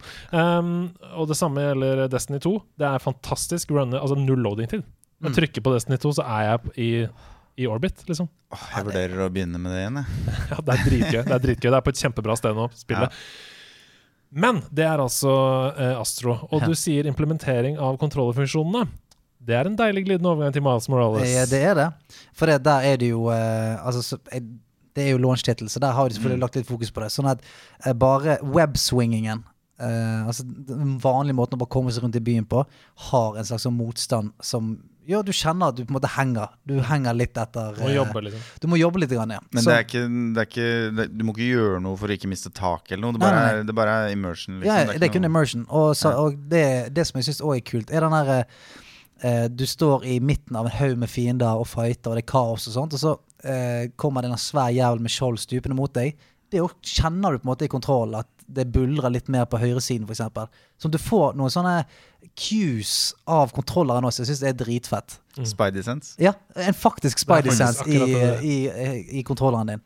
Og uh, der òg er det sånn ja, Hvis det blåser litt, eller eh, hvis det er eh, andre ting som skjer i, i værforholdet, stormer, lyner, så er det sånn Det, det har en res, respons i kontrolleren. Og så har jeg har jo gått the extra mile. Jeg har jo installert sånn Hue Play, sånn at alle lysene i rommene er synket med PlayStationene. Sånn at alt, alle lysforandringer og sånt skjer også i rommet mitt. Er det en greie? Det er en greie. Oh, fy faen. Så jeg Jeg kommer ikke til å ligge med på en stund. For det, det er så Jeg Det er jeg lurer litt på, er hva skal vi med VR nå? Hvis du kan programmere rommet ditt til å se ut som omverdenen, og du får haptisk feedback i kontrolleren Og et 3D og headset. 3D headset, Hva skal du med VR, nei, egentlig? nei, jeg er helt enig, men det, det er jo Nei, hva faen skal du med det? Det blir jo litt sånn som eh, 3D og sånt har, var på kino. Det er sånn Ja, det, det er kult i begynnelsen og sånt, men så er det sånn det blir jo mye kulere filmer hvis du slipper på de jævla brillene og være sliten i trynet og alt mulig. Det funker jo helt fint uten Ja, for de av oss som har en bitte liten hornhinneskjevhet, så blir det ganske anstrengende å sitte ja. på Du, 3D-kino. hvis du blør fra øyet etter Avatar, så er det sånn Det er ikke verdt det in the long run. Ikke in the short run heller. Nei, altså. skjønner jeg. Men ja, Miles Morales, um, hvor langt har du kommet? Du, jeg har rundet det, jeg, altså. Sjæl. Rundet det. runda det begge to. Holy shit, hvor, på hvor mange dager? Ja, fordi Miles Morales Husker du det Uncharted-spillet som kom etter Uncharted 4? Med de to kvinnelige hovedpersonene? Mm. Jeg husker det, men jeg har ikke spilt det. Nei, for det er litt Nei. som dette. Eh, du, hvis du velger å kun fokusere på hovedhistorien, ikke gjør noe annet, ingen sideoppdrag, ingenting, sånn som jeg har gjort, eh, så tar det et sted mellom seks og åtte timer å komme seg gjennom hovedhistorien. Men det, når det er sagt, jeg har 18% completion, Ja. og jeg har tatt hovedhistorien. Jeg har 40. Ja, det er faktisk sant, fordi jeg har jo spilt det forrige Spiderman-spillet. Mm. Og da også Jeg skjønte at jeg var rett før siste boss. Så begynte jeg å gå for platinum trophy. Mm. Og det var noen timer eh, Ja, fordi det er masse der. det spillet har å by på. Du kan finne upgrade crates. Mm. Det er et stort skill-tre som du kan utvikle som du vil. Eh, mye mer sånn Skyrim-ette RPG-elementer, som også var i uh, Spiderman 2018, da, for så vidt. Mm. Men det føles som en oppgradert og, um, og kul eh, videreføring, rett og Ja. slett. Og så er dette med den, den eh, stemningen som er i Miles Morales, som er, som er mer sånn eh, Du er For greien her er jo at du er på en måte Spiderman nummer to, på en måte. Eh, det er det som er Spiderman 1, han er her, på en måte. Peter Parker er, han er rundt omkring her, men du er også en Spiderman Og det er mye mer sånn community. Det føles som at du er en fyr på privaten også som. Hint til de som har spilt det der. Ja. Eh, og han eh, altså han, han er veldig sånn hjelper communityet. Eh, Jobber på uh, frivilligsenter og sånt. Og så når du er Spiderman nå, så er det fremdeles litt den der. Å gjøre de småtingene òg. Hjelpe til med en fyr som har en katt eh, som har hengt hengt seg fast oppi et tre. eh, og det som er veldig sånn gøy eh, Dette er jo sånn semispoilete, men det er veldig gøy. Uansett hvor bitte små ting du skal gjøre. Hvis en fyr sier sånn Hey, I lost my cap outside. Så bare sånn, ja, jeg kan gå ut og hente capsen din. Så er det alltid sånn, du henter capsen, og så stuper det et monster ut av uh, ruten. Det er sånn Det er sånn clickbait, alt sammen. Sånn, du, faen, jeg skulle gjerne kaste søppel, jeg. Jeg kan kaste søppel for deg. Drage fyker gjennom. Det blir jo av og til, jeg har opplevd det i sånne open world-spill, at det blir litt sånn Til slutt så blir det nesten en parodi Ja. på seg sjøl, fordi det bare Alt blir liksom en kjempegreie, eller uansett hva du gjør, så ender det opp i en fetch quest, eller liksom Ja. Ja. For jeg syns det, synes det er litt vittig. For jeg vet at selv om jeg ser på den der eh, eh, For du har liksom en app, da, en Spiderman-app, hvor vanlige folk kan sende inn en sånn eh, request. da Og der er det sånn Jeg vet at uansett hvor jævla teit de requestene er, så vet jeg at det kommer til å skje noe shit her. da Ja. Nei, det er en kjempe, kjempefin opplevelse. Karakter, eller? Eh, du, jeg, jeg koser meg så faen med det, og det er velpolert og alt mulig. Men altså, jeg også syns at det er litt for kvikt, og nå, nå driver jeg bare svinger rundt og henter eh, collectibles og sånt. Because I wanna play that shit. Så da eh, Ja, jeg vil gi det liksom en åtte av ti, altså. Åtte av ti fra min side også. Jeg syns det er et kjempebra spill. Åtte av ti er ikke en dårlig karakter. Nei, det er en veldig god karakter. Terningkast fem. Eh, veldig verdt å spille. Fin historie. Dessverre noen sånne vendinger som jeg nå kjenner igjen Ja, ja. fra Marvel. Det er sånn, ja, Jeg skal ikke gå inn på det, for da spoiler jeg selvfølgelig, men jeg ser hva som kommer til å skje, dessverre. Og så syns jeg også det, Du er litt inne på det. Litt repetitivt gameplay til tider. Når man finner en ting som funker, så er det bare å gjøre det. Ja. Og så kommer du deg gjennom, på en måte. Er det noe vink til Into the Spider-Verse og sånn her? Definitivt. Oh, du yes. kan til og med Og dette er ikke en spoiler, men jeg sier fra likevel. Hvis du ikke vil vite noen ting om dette spillet, så kan du hoppe 30 sekunder fram nå. Mm. Du kan få en spidersuit som har lavere framerate. Fordi den har Into the Spider-Verse-framerate. ja, ja, Ja. Så når du svinger deg rundt, så skiller du deg ut i omgivelsene. Og Mm. det er sånn gåsehud-moment for meg. Awesome film, by the way. Ah, Ah, en av de beste Spider-Man-filmene jeg hadde. Ok, vi må videre. Uh, jeg har begynt å spille Demons Souls. Jeg så dette, din galning. Og jeg er fullstendig avhengig. Er du det? Helt fullstendig vurderer det selv, avhengig. altså. Det er så fett. Det er så fett, og det er så bra, og det ser så psyko bra ut. Ja, Hvor Eh, mye av det er looken, liksom? Uh, hva skal jeg altså, Det som er, da mm, Ta det fra en som Det eneste uh, Souls-spillene jeg har spilt, er Bloodborne. Og så har jeg spilt litt Dark Souls 3. Jeg har aldri spilt Demon's Souls, ikke spilt Dark Souls 1 eller 2, ikke spilt Sekiro. Ikke sant? Så jeg er jo dårlig i disse Mm. spillene. Jeg elsker det. Og Demon's Souls skal jo visstnok være det vanskeligste av Ja, ja. alle. Ja.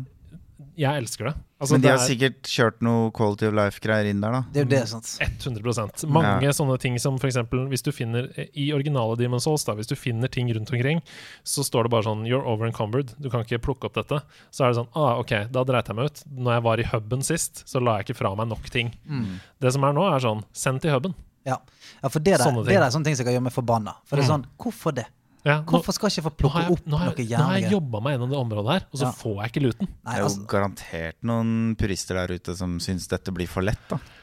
ja, men, men dette, dette handler jo bare om sånn item management. Ja, ja. Og det er sånn, og jeg, jeg, kan, jeg blir så pissig når det er sånn Hvorfor skal vi være så hard på item management når det, er sånn, når det egentlig ikke har noe å si om jeg har plukket opp liksom 15 sånne eh, skinnhatter, eller om jeg har plukket opp tre. Liksom. Det har, har ikke så mye å si. Det er bare drit at jeg ikke nok har plukke det opp. Så må jeg gå tilbake igjen her, må jeg gå tilbake og selge. Så blir det bare en sånn off-moment.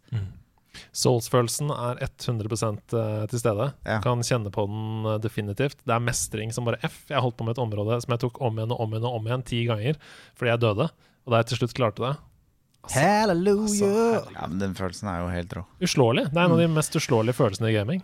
Eh, så eh, stemmeskuespill, magisk. Det ser helt vanvittig lekkert ut. Musi Eh, musikken har blitt spilt inn på nytt igjen, skjønner jeg? jeg tror det. Altså, De bossfightene Jeg bare, jeg bare, jeg bare. Men er det, er det Fordi jeg har jo sett trailerne. Er det, er det så fett? Ja. Sånn looken, liksom? ja, ja. Ser så ja, bra det ser så bra Ja. ut. Som, jeg streama det jo litt på, på stream, og folk sa sånn Jeg kan ikke skjønne at dette er en stream, sa okay, folk. ja. Fordi det så helt sjukt ut. da Til og med gjennom på en måte min PC og Elgato, som er cappa på 1080-30. Ja, ja. Men er det, er det Er dette den første generasjonen på lenge hvor, hvor trailerne ikke åpenbart er en falsk reklamerendering av hva du faktisk får, eller? Ja, si. Ja, altså sånn, nå, jeg, har, jeg, jeg, jeg har jo bare spilt uh, Miles Morales, så har jeg spilt liksom 15 minutter med Valhalla. Men det ser Altså, Miles jeg, eh, Bare for på en måte Jeg følte jeg måtte se måtte se meg litt rundt. Så jeg veldig ofte på Cinematics og sånn, så sto jeg liksom og så på ting. Og så når vi kom ut av For det, det er jo veldig kult med Miles Morales. At sånn Det går fra Cinematic rett inn i gameplay hver gang. aldri noe, aldri noe stopp, og så start igjen. Det er sånn insane cinematic, full fighting, og så blir du bokset bak. Der er du inne i gameplay. Sving det tilbake igjen. Og, eh, og det er ingen forskjell. Ingen forskjell. Og når du på en måte ser Jeg bare sto sånn midt i gaten og bare prøvde å se hvor Se på suiten og sånt. da For raytracing og sånt er jo helt fuckings insane. Sant? Det er, du, har lyst til å, du har lyst til å sleike på den drakten til Spiderman, liksom. Det, han, skinner, han skinner akkurat der han skal skinne. Når du snur deg, så forandrer racene seg. Og det, er, det, det ser veldig, veldig bra ut, altså. Photomoden er Men- jo bare helt uh, jeg hørte skjæra til Thomas Marinowski. out. Eh, han nevnte noe om at eh, eh, i hvert fall i noen spill så måtte du på en måte velge mellom Yes! 4K og raytracing. Ja. Ja, eller da- Eller performance mode. Ja, eller ja, om du, du liksom får lavere framerate, eller om du skal ha raytracing på. da. Og akkurat Spiderman virker jo som et spill som er litt viktig at flyter. Ja, og jeg, jeg kjørte vel det på, på altså mest mulig FPS. da Mm. Nettopp fordi du fyker så du, du svinger og fyker, og det er så psycho fast-based. da Veldig gøy at du sier det, fordi uh, du kan velge mellom performance eller graphics, tror jeg det heter. Mm. Uh, og performance er jo da 60 frames, eh, Ja. mens graphics er 4K Ja. eh, pluss raytracing og alt sånn. Men, men det, det skal også sies at 60 frames òg Det kan ha 4K, det òg, men det er ikke sikkert det er 4K hele tiden. At det, at, at Det det, det kan veksle litt, mens når det trenger på en måte å ikke garanti. Ja. Ja, altså sånn Når du trenger at ikke trenger 60 frames, og det går ikke med 4K, så, så skiftes det. da For jeg fikk nemlig råd av Level Up-redaksjonen eh, om å ha på graphics mode Ja. og ikke performance. Så jeg spilte det i 30 frames eh, med alt av graphics på. Og det er jo helt eh, Du savna ikke de 30? Nei, jeg kan ikke si det, altså. Nei. Jeg syns det var helt uh, insane pent. Altså, det er sånn, som uh, Nikki Level Up sier også, det er liksom noen detaljer som skrus av da, i den performance-moden. New York føles kanskje ikke så levende. Mm. Åh, vi må bare si det helt avslutningsvis. Den julestemningen Ja. man får av å spille fuckings Miles Morales. Hvis du er så heldig at du kan åpne dette spillet første uka i desember og sette deg med gløgg og teppe rundt og spille det Nå er det jul! Ja, ja, Alt jeg ja. har å si. Ja, ja. Ja. ja, det er veldig, veldig, Jeg gjorde nettopp et intervju på telefonen hvor jeg ble spurt om jeg visste om noe spill med julestemning i, men da visste jeg jo ikke om Miles Morales som et eksempel, så det Altså, burde jeg jo selvfølgelig Jeg må ringe han fyren tilbake. Ja, må- det ringe er- tilbake. Ja, ja, det er den mest julestemningen. Altså, et av missionene handler om å gjøre leiligheten klar til jul. Ja, det er veldig koselig. Uh. Eh, så Demon's Souls oppsummert det, jeg, altså jeg, har, jeg er fullstendig avhengig. Jeg har bare spilt to uh, Jeg har spilt meg gjennom to bosser. Det er helt magisk. Eh, jeg skal fortsette, og så skal jeg gi den karakteren når jeg har kommet meg gjennom. Um, ja, jeg kan ikke vente med å fortsette. På et halvt år fra nå så har han runda Dark Souls 3. Ja, Det er typisk. Ja, men et halvt år fra, fra nå, så altså, Men det, det tempoet du har hatt Denne uken her Jeg har kommet meg gjennom Miles Morales og tatt med noen collectibles. Han har spilt sånn 19 spill. Altså Hver eneste jævla gang jeg ser på Instagramen hans, så er det et nytt spill. Og han har spilt Destiny 2 og Overwatch og Valhalla og Demon Souls og Miles Morales, Astros Playroom. Det mest provoserende her er at han vedlikeholder skillsa i et sånt evighetsspill som Overwatch Ja, på toppen av det hele. For det føler jeg ofte er et valg jeg må ta i livet. Liksom. ja, det det. Skal jeg være god i Dota og Rocket League, eller skal jeg ha nye opplevelser? Ja. Vi sa det kom til å handle mye om disse tingene. Vi må Ja. videre til Valhalla. Hva Ja. er ditt førsteinntrykk av Assassin's Creed Valhalla på Du- next gen? Du, altså, jeg kan kun tale for grafikken, for jeg har liksom kommet med gjennom starten og slags uh, Kall det prologen og gjort liksom at mission. Du har fighta litt. Jeg fightet litt, ja. Eh, og nå er jeg sånn Jeg syns grafikken og det runner helt magisk og sånt. Bare sånn spillmessig så få, fikk jeg sånn bitte lite gufs når jeg satte i gang der. Men sånn Oi, dette er jo veldig, veldig, veldig likt alle andre Assassin's Creed-opplevelser jeg har hatt. Eh, men så, som sagt, det skal sies at jeg har spilt 15 minutter inn i det liksom, inn når spillet begynner. Men det er bare et eller annet med at og nå har ikke jeg fått noe skill, så jeg vet at det er svært skill tree. alt mulig, så dette er, dette er en review fra en fyr som har spilt 15 minutter. Men noe av det første jeg gjorde eh, når jeg kom inn i spillet, det var sånn kom, eh, Gikk et par meter opp i skauen, så fikk jeg en, en tooltip. At sånn, her borte er det et waypoint. Eller sånn viewpoint, mener jeg. Så klatrer du på toppen av fjellet, fjell, og der eh, er det Der er det samme gamle greiene. Det er liksom En høyball eller buskeball? Ja, i hvert fall en dam da du skal hoppe ned i. Og da fikk jeg sånn Når det var det første, så var jeg sånn OK. Så vi, vi, all, vi Jeg har spilt nå i tre minutter, allerede liksom har klatret opp i et høyt sted og sett rundt stedet. Og da var jeg sånn Faen, jeg, jeg hadde håpet bare sånn right off the bat at de bare sa sånn Nei, dette er noe helt annet. Så jeg bare håper at det, det er det. Det ryktes at det blir veldig mye bedre når man kommer seg ut av Norge. Ja. Ja, jeg har spilt tre timer, jeg er fortsatt i Norge. Det er ikke Ikke hør på det de folka sier her. Det er dritbra. Det er dritbra. men Jeg sier ikke at det ikke er bra. Jeg sier at Det første jeg følte, var sånn, det var et gufs av at, sånn, at Ja. dette her er Assassin's Creed. Punktum. Ja, ja. Men, Bare i vikingdrakt. Nå må holde på beefen. Ja, nå begynner beefen. sant? Det de har gjort, det er at de har tatt eh, black flag-elementer her. For du har jo et stort langskip som du har en eh, folk som du må si «Hei, hoi», Og de ror og sånn, og Mm. noen kan synge 'En bakskjåle går og en bøtte med dår'. Og så Er det liksom sånn dårlig norsk? Nei da, det er ikke det, men uh, jeg bare, jeg bare lata som. Og du hører jo når du fighter og sånn, så hører du sånn 'Sigurd, løp og hent den her!' Du hører jo norsk i bakgrunnen Ja. når du fighter. Det er helt fantastisk. Men det kommer et par sånne småting inne, bare sånn skål. Det kommer Ja. en skål inn i Og plutselig så står det sånn Rogaland. det, er, det er gøy, men Og da eh, snakker alle sånn som dette her. ja, ja, ja, ja. Velkommen til jeg sier Nei, Men uh, det, er, det er utrolig gøy. Jeg elsker eh, det spillet. Jeg la det fra meg etter tre timer, fordi jeg skjønte sånn nå er jeg avhengig allerede. Altså, jeg, jeg hooka allerede. Jakten på gear er i gang. Jeg har fått Mm. bedre loot pga. sidequest som var dritfett. Uh, dette blir mitt Skyrim nummer to, Ja, kjente jeg. Jeg gleder meg som en hund til å sette tærne i det. Men det kommer til å ta 100 timer. Så derfor så er det sånn Spille litt mer Astro og Miles Morales. Og Og runde sånn Demon ja, Souls først? før- først, før det. Eh, For det kommer ikke til å ta 100 timer, nemlig. Demon's Nei, Souls. nei, det går du, Gjort 200. en feil. Gjort en feil. 200 timer. Men det er dritbra. Jeg gleder meg masse til å spille det mer. Til slutt så må vi snakke om Sackboys. Sackboy Ja. A Big Adventure. Du har spilt det òg, du. Ja, er halvveis. Fy Halvveis i Sackboy Big Adventure. Det er litt morsomt, fordi de kunne ikke kalle det Little Big Adventure. Nei. For det, den, den For det er et annet spill. Ja, sånn, ja. Uh, for det er sånn Når jeg skal snakke om Little Big Planet, så sier jeg alltid Little Big Adventure, eh, og så må jeg rette på meg sjøl Ja. hele tiden. Så når de kommer med et spill med adventure i tittelen, så humrer jeg litt i skjegget. Men det er jo heller ikke Dette er jo ikke et Little Big Planet-spill. Um, for det er et plattformspill, sånn som Little Big Planet, men det er mye mer lineært. Og du er én figur. Og ja, man kan spille sammen med familier og venner og sånn, alle kan ta opp kontrollen, men det er ikke den creative moden. Du kan ikke lage ting. Du kan ikke Det er et plattformspill fra start til slutt, liksom. Mm. Og det er et kjempebra plattformspill. Ja. Kjempebra plattformspill. Da høres det ut som det har blitt et bedre spill, da. Ja. Hvis du liker Super Mario 3D World, for eksempel, som kom til Wii U Vet ikke om du Mm. spilte det der? yeah. Eller A Hat in Time. Eh, åpne verden plattformspill. 3D-plattformspill, da, basically. Sånn som også Donkey Kong 64 var i sin tid. Mm -hmm. uh, eller Super Mario 64. Så er det um, en veldig uh, fin arvtaker. Litt treigt i starten, men kom deg gjennom liksom, de fem-seks første banene, så tar det seg veldig opp. og, og sånn. Men, er- men som en som er voksen, da? Ja. Er, er det litt sånn Dette her er veldig lett. Nei, det er det heller ikke, altså. Okay. Jeg har dødd en god del, og jeg vil si at jeg er ganske god i plattformspill. Um, for eksempel um, Celeste kom jeg meg jo gjennom, uh, og um, Cuphead, selvfølgelig. Cuphead, Ja, ja. Mm. Uh, så, så det er ikke kjempelett. Det blir gradvis Det er en veldig god progresjon også. Men hvis du har kids, da, så er dette helt Det er en drøm å få lov til å servere kidsa sine Sackboy Big Adventure. Herregud, så gøy de kommer til å ha det. Altså Det kommer til å stå igjen som et minne i deres barndom. Liksom. Fett, fett, fett. fett. Det blir deres eh, Super Mario. Kanskje. Det kan kanskje bli det. Fordi det er så fullt. Å, plutselig så kommer det en bane, så bare eh, Bruno Mars med Så er det liksom hele soundtracket er Uptown Funk. Oh shit. Og neste bane så er det annen populærkultur, og det er liksom eh, Og det er dritbra på norsk. Nok en gang. Nice, nice, dritbra på nice. norsk. Så, Hvem er stemmen her, da? Eh, det har jeg- ikke sjekka.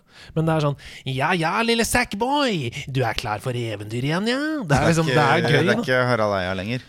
Og var han det i det første? Ja, det var Stephen Fry på engelsk og Harald Eia Ja, Som på- Sackboy? Eller Nei, som sånn narrator, kanskje? eh, Ja, som sier sånn 'Welcome to' Ja. Ikke sant? Ja, ja, ja. Ja. Nei, nei, det er ikke noe Det er forskjellige på en måte eh, mennesker som har kontroll over sine du, du, er, Ja. du tar én verden, og der er det én hovedperson. Så kommer du videre til en ny verden, der er det en ny hovedperson. Ah, for, ja. måte.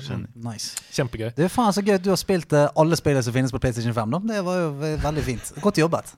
Godt jobbet. OK, Erling. Ja. Vi, vi er nødt til å bli litt mer kjent med deg også. Før vi hopper videre i podkasten, så la oss få høre om din spillhistorie. Hvor var det Din det begynte? saga. Din saga. Hvor, hva gjorde deg interessert i spill? Ehm, det var Ronny i etasjen over mamma. Er det sant? Ja, eh, jeg, jeg, må, jeg har gått og tenkt litt på det siste uka, faktisk. For jeg var forberedt på at det spørsmålet her kommer, og var litt sånn usikker på Jeg har en del minner, jeg er usikker på hva som kommer først. Men det liksom definitive gjennombruddet, uavhengig av om det kom først eller ikke, er at eh, jeg bodde hos moren min annenhver helg mm. eh, i en leilighet på Tøyen. Og i etasjen over så bodde Ronny. Han var to år eldre, og han hadde Nintendo. Nes. Eh, og han, så det var rett og slett Super Mario Bros. Som var liksom det første. Eh, Så vi satt og spilte Aller første Super Mario på Nes, liksom? Ja. Wow. Det er eh, Det er jo nesten en dårlig klisjé. Altså, hvis, du hadde, hvis du hadde skrevet inn et filmmanus, så hadde det vært sånn Nei, ta et annet spill, da. Det blir for obvious, liksom. Men, Men det er eh, veldig gøy, for T-skjorten du har på deg i dag, har jo en Nes-kontroller. ja, Og det står 'Keep it real'. Yeah. Mm. Den er nesten like gammel som nesen, den tirsdag. Men uh, Nei da. Uh, men i hvert fall Og så husker jeg ikke helt hvordan det gikk til, men det tok ikke så lang tid før da min daværende stefar, da, som var litt ung til sinns, uh, kjøpte en nes. Så da etter hvert så hadde vi den også. Eh, og da var det uh, Selda 2. Mhm. Ja, det, er Der hvor du plutselig Det er liksom nesten plattform. Du går fra siden. Dungeon er ja. sidescrolling, ja. Mm. Og så er det jo faktisk Det er det tidligste eksempelet jeg veit på, på fekting. Mm. Hvor du liksom kan blokke opp og nede, og slå opp og nede, og så møter du andre med skjold og sånn. Det er ganske Stemmer det. det er beinhardt spill, ass. eh, men det også husker jeg veldig godt, for da husker jeg satt Jeg husker jeg var helt sånn mindblown. Jeg var da ca. sju år gammel, kanskje. Og så får jeg beskjed om å gi meg sjøl et navn. Og så, Jeg har jo Ja, ja, ja, og sånn. Jeg veit at han heter Link. Men det var litt kjedelig og sånn. Og da foreslo stefaren min du kan jo bare kalle deg for Erlink. Erlink! Og det er jo nikket mitt den dag i dag. Ja, Wow! Erlink to the past! Ja, Han, ja. han er Link. så det, det er eh, Det er rett og slett nikket mitt en dag i dag på de fleste plattformer. To pluss to er link fire.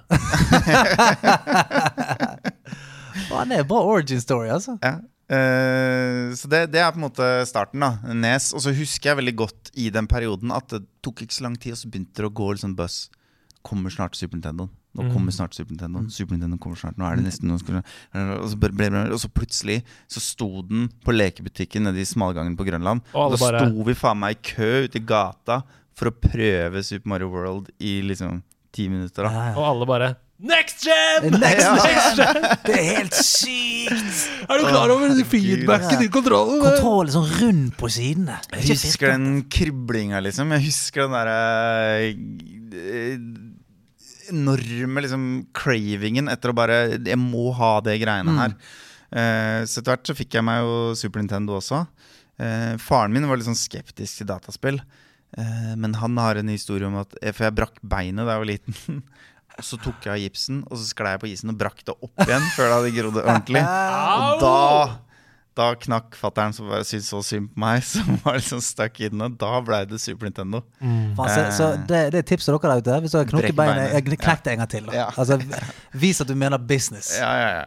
Så det, så det husker jeg. Eller det vil si, jeg er litt usikker på om den historien er helt riktig sånn kronologisk. For jeg har sittet og prøvd å regne Men jeg, jeg, jeg har ikke noe, å si- det, er, det er storyen. Sånn er den bare. Ja. Eh, så jeg har liksom sånn småting som at eh, jeg var hjemme hos noen folk og spilte Great Gi Gi Giana Sisters. Den derre Super Mario Jeg husker ikke i det hele tatt. Nei, det er basically Super Mario 1, da. Bare at du, det er reskinna. Mm. Det Det er, ah, det er ja. Det hadde jo okay. vært tidenes låsut uh, i dag. I dag, ja. liksom. Great Gianna Sisters. Ja, ja, ja. Så når du, når du tar det som tilsvarer sopp, jeg husker ikke hva det er, så får du liksom permanent. Altså basically stort, vilt hår. oh, fy faen. det er Brettdesignet er identisk, liksom. Det er helt er, ja, det er, Det er liksom det, Ja. det er, altså, Super, great, Mario, Gianna, Ja, ja. Bros, Sisters. Ja, ja. Det, er- bare, Ja, ja, det er ja. det er ikke, De prøver Nei. ikke å late som engang. Det var, det det var tre sekunder det på sånn nav navnemøte. Og så husker jeg jobber, spilte jobber de som snekkere. Ducktales-spillet. Ja. mm. Uh, hvor du måtte Hvor liksom For å komme deg til et brett, så måtte du fly med rotor. Og så var det sånne jævlig håpløse kontrollere, så du brukte mer tid på å prøve å komme til brettet enn å faktisk prøve å klare brettene. Ja.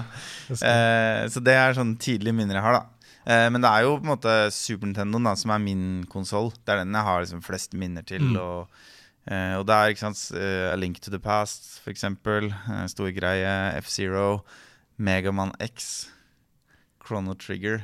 Det Wow. er så mye Altså, så du- RPG-er. så liksom. du gjorde litt det samme med Super Nintendo som Andreas har gjort med PS5 nå. Du bare spilte alle spillene som, som kom til den. Eh, ja, det var, jeg, jeg har tenkt litt på det òg, for vi hadde jo ikke så mange spill. Spillene var jo dritdyre. Ja, ja. Jeg tror kanskje jeg bare har eid ti Super Nintendo-spill eller noe sånt nå. Men det var jo en del folk å byttelåne med og sånn. det, det, det var det som var trikset før. Det, det hadde jeg helt glemt at det var noe man gjorde. Man byttelånte de jævla spillene. Jeg, jeg, var, jeg var dritgod i Mario Kart, det første Mario Kart. Mm.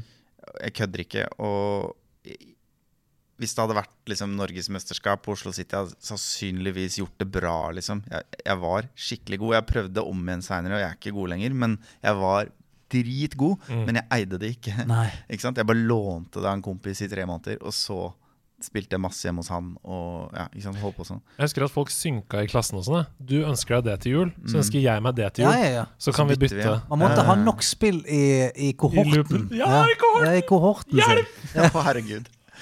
Men Eh. du fortalte meg, fordi dette er litt interessant, fordi du sa til meg på forhånd Jeg spurte sånn, ja, husk at du har du noen liksom, spilløyeblikk som står ut. Hva er ditt største spilløyeblikk? Og da sa du til meg Du sa bare én ting. Ja.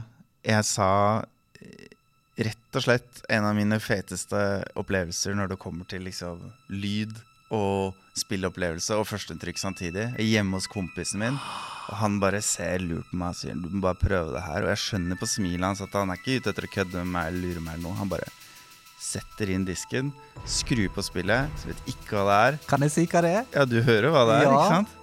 Final Fantasy 7. Ja, fy faen. Åh, shit! Et spill som jeg liksom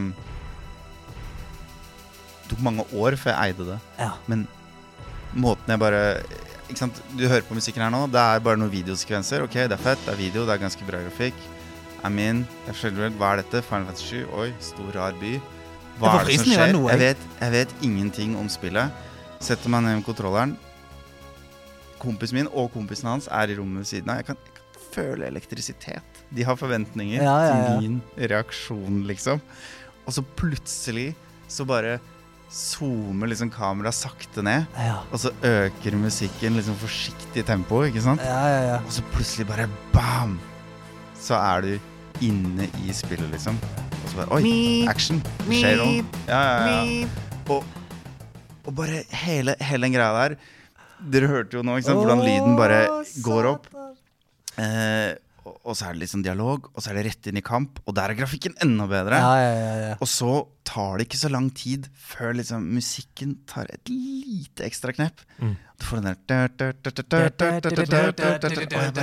Jeg fikk fullstendig gåsehud, og det er liksom per i dag et av mine aller, aller, aller feteste spilleøyeblikk. Og jeg vil si jeg, jeg kjenner veldig mange som har Final Fantasy 7 som sitt aller liksom tidenes favorittspill og sånn. Jeg mistenker at den ene sekvensen der, Bombing Mission, og kanskje Bombing Mission nummer to også, da, egentlig på en måte skjønnmaler det spillet der i hodet mitt så jævlig, for det er så mye Uh, rar dødtid, det er så mye weirde øyeblikk. Det er så Ja, mye, ja. Og hele spillet mens jeg spilte gjennom Final Fantasy 7, så var det egentlig bare at jeg jaga the perfect wave. Bare at the perfect wave hadde vært, liksom. Fordi det er det første du opplever i spillet. Det er det absolutt første du opplever i spillet. Og jeg bare husker jeg fikk prøve det to timer hos en kompis, og bare sånn Ok, det her må jeg bare ha. Men jeg hadde ikke PlayStation, liksom. Så hvordan i alle dager skal jeg få tak i det? Og så jobber jeg på Space World i arbeidsuka. Og der er det til PC, og så får jeg lov å låne med meg hjem en uke. Og da rakk jeg akkurat å spille ferdig disk 1. Å nei! Spoiler alert. Det er noen som dør i slutten av disken. Yes, det er det akkurat det. siste som skjer. Og så sier han der kjipe fyren i butikken Ja, nå må du levere det Ja, ja. tilbake. Jeg kan levere tilbake disk 1. Du får disk 1 tilbake igjen. Jeg skal ha den andre. Og så gikk det liksom et år til eller noe før jeg liksom fikk muligheten til å Ja. Men det, det, den åpningsscenen der er, den er bare så magisk. Og det er bare et av de mest perfekte eksemplene på liksom bare musikk og opplevelse alt i sånn perfekt harmoni. Da. Jeg får helt vondt i meg, for jeg òg har Final Fantasy 7 som favorittspill. Mm. Og eh, det du sier der, det, det treffer meg så rett i trynet. For det er sånn Det du sier der, musikken bygger seg opp og sånt, og så når han liksom et klimaks i slutten av det missionet, når du Ja. skal fighte allerede første boss. Ja. Og, og du, du går fra den der eh, dabba, dabba, dabba, og når, når han går over i, i Mm. kanskje den beste bossmusikken i verden, for min del. Når det bare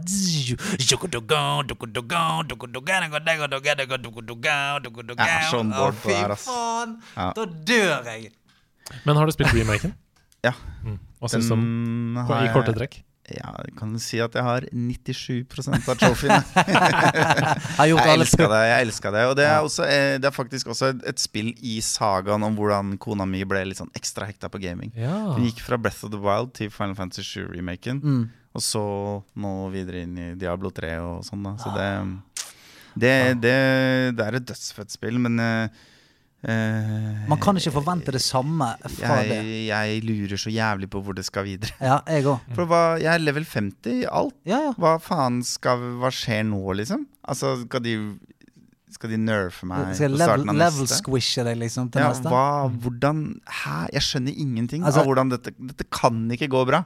Min, min teori der har jo vært at du kanskje skal spille en annen karakter med, med, med et annet crew videre.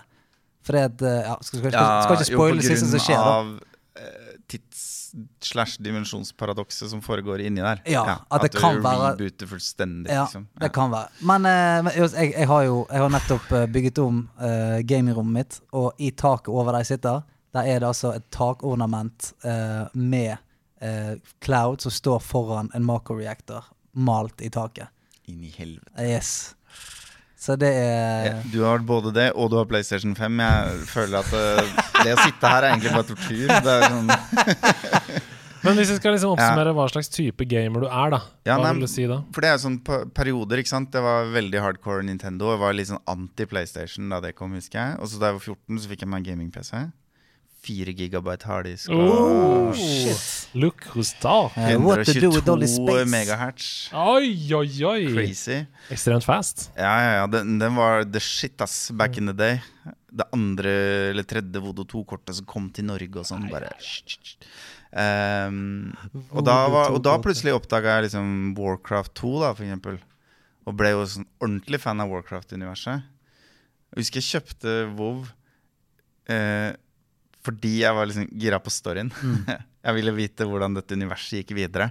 Og jeg spilte ganske lenge før jeg forsto at det var ikke det de forsøkte å gi meg. Nei. I det hele tatt. Nei, de vil, de vil bare at du skal være der inne og drepe villsvin. Ja. Eh, Ja, så jeg, jeg ga meg, da. Ja. Jeg gjorde det. Jeg kom til level liksom 40, og så skjønte jeg at nå må jeg enten gå inn eller en trekke meg ut. Og så tenkte jeg fuck it, jeg trekker meg ut. Du gjorde en lur avgjørelse ja, jeg, jeg, Sør. jeg tror faktisk jeg gjorde en lur avgjørelse. Men mye Heroes of the Storm også, ikke sant?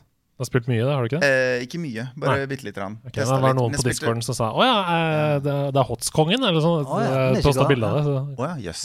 Ja, det Faen, hva- Spilt litt, grann, allerede blitt konge. Det er ikke gale. Sikkert Philip som trolleren. den. Ja, anyways. eh, nei, men jeg, jeg har spilt veldig mye Dota 2, da. Ja. Eh, og det er jo det du snakker om Demon's Demon Souls, da, at det- spillet er så vanskelig. Fordi du spiller liksom alltid med ti andre mennesker på ditt nivå. ikke sant? Så de få gangene du bare virkelig du bærer laget ditt, og det løsner, så er det bare Det er en så god følelse, Mm. liksom.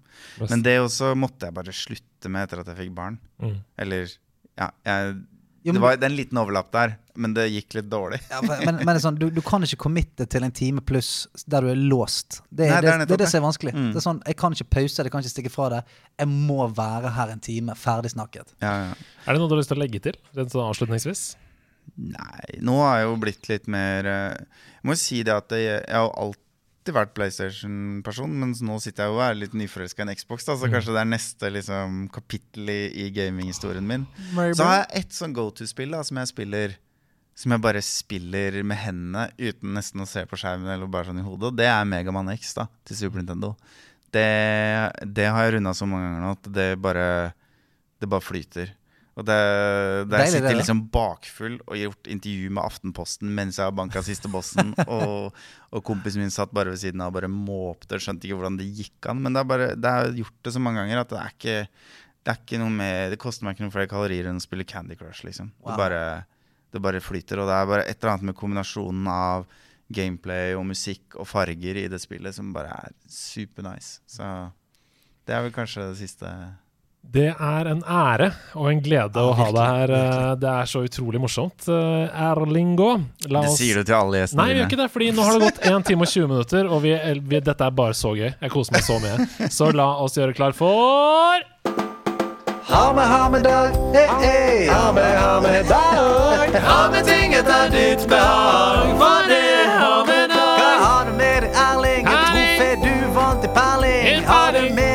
caps som du fikk før Hva sa du for noe? Ikke le. Ikke le når jeg rapper! Ok. Ok, Da får du rappe. Da skal jeg le av deg. Jeg syns det var kjempebra, Stian. Kjør, da. Erling er en mann som For Erling er en mann som Nå må du fortsette det. Han har på seg capsen. Han er Michael Jackson.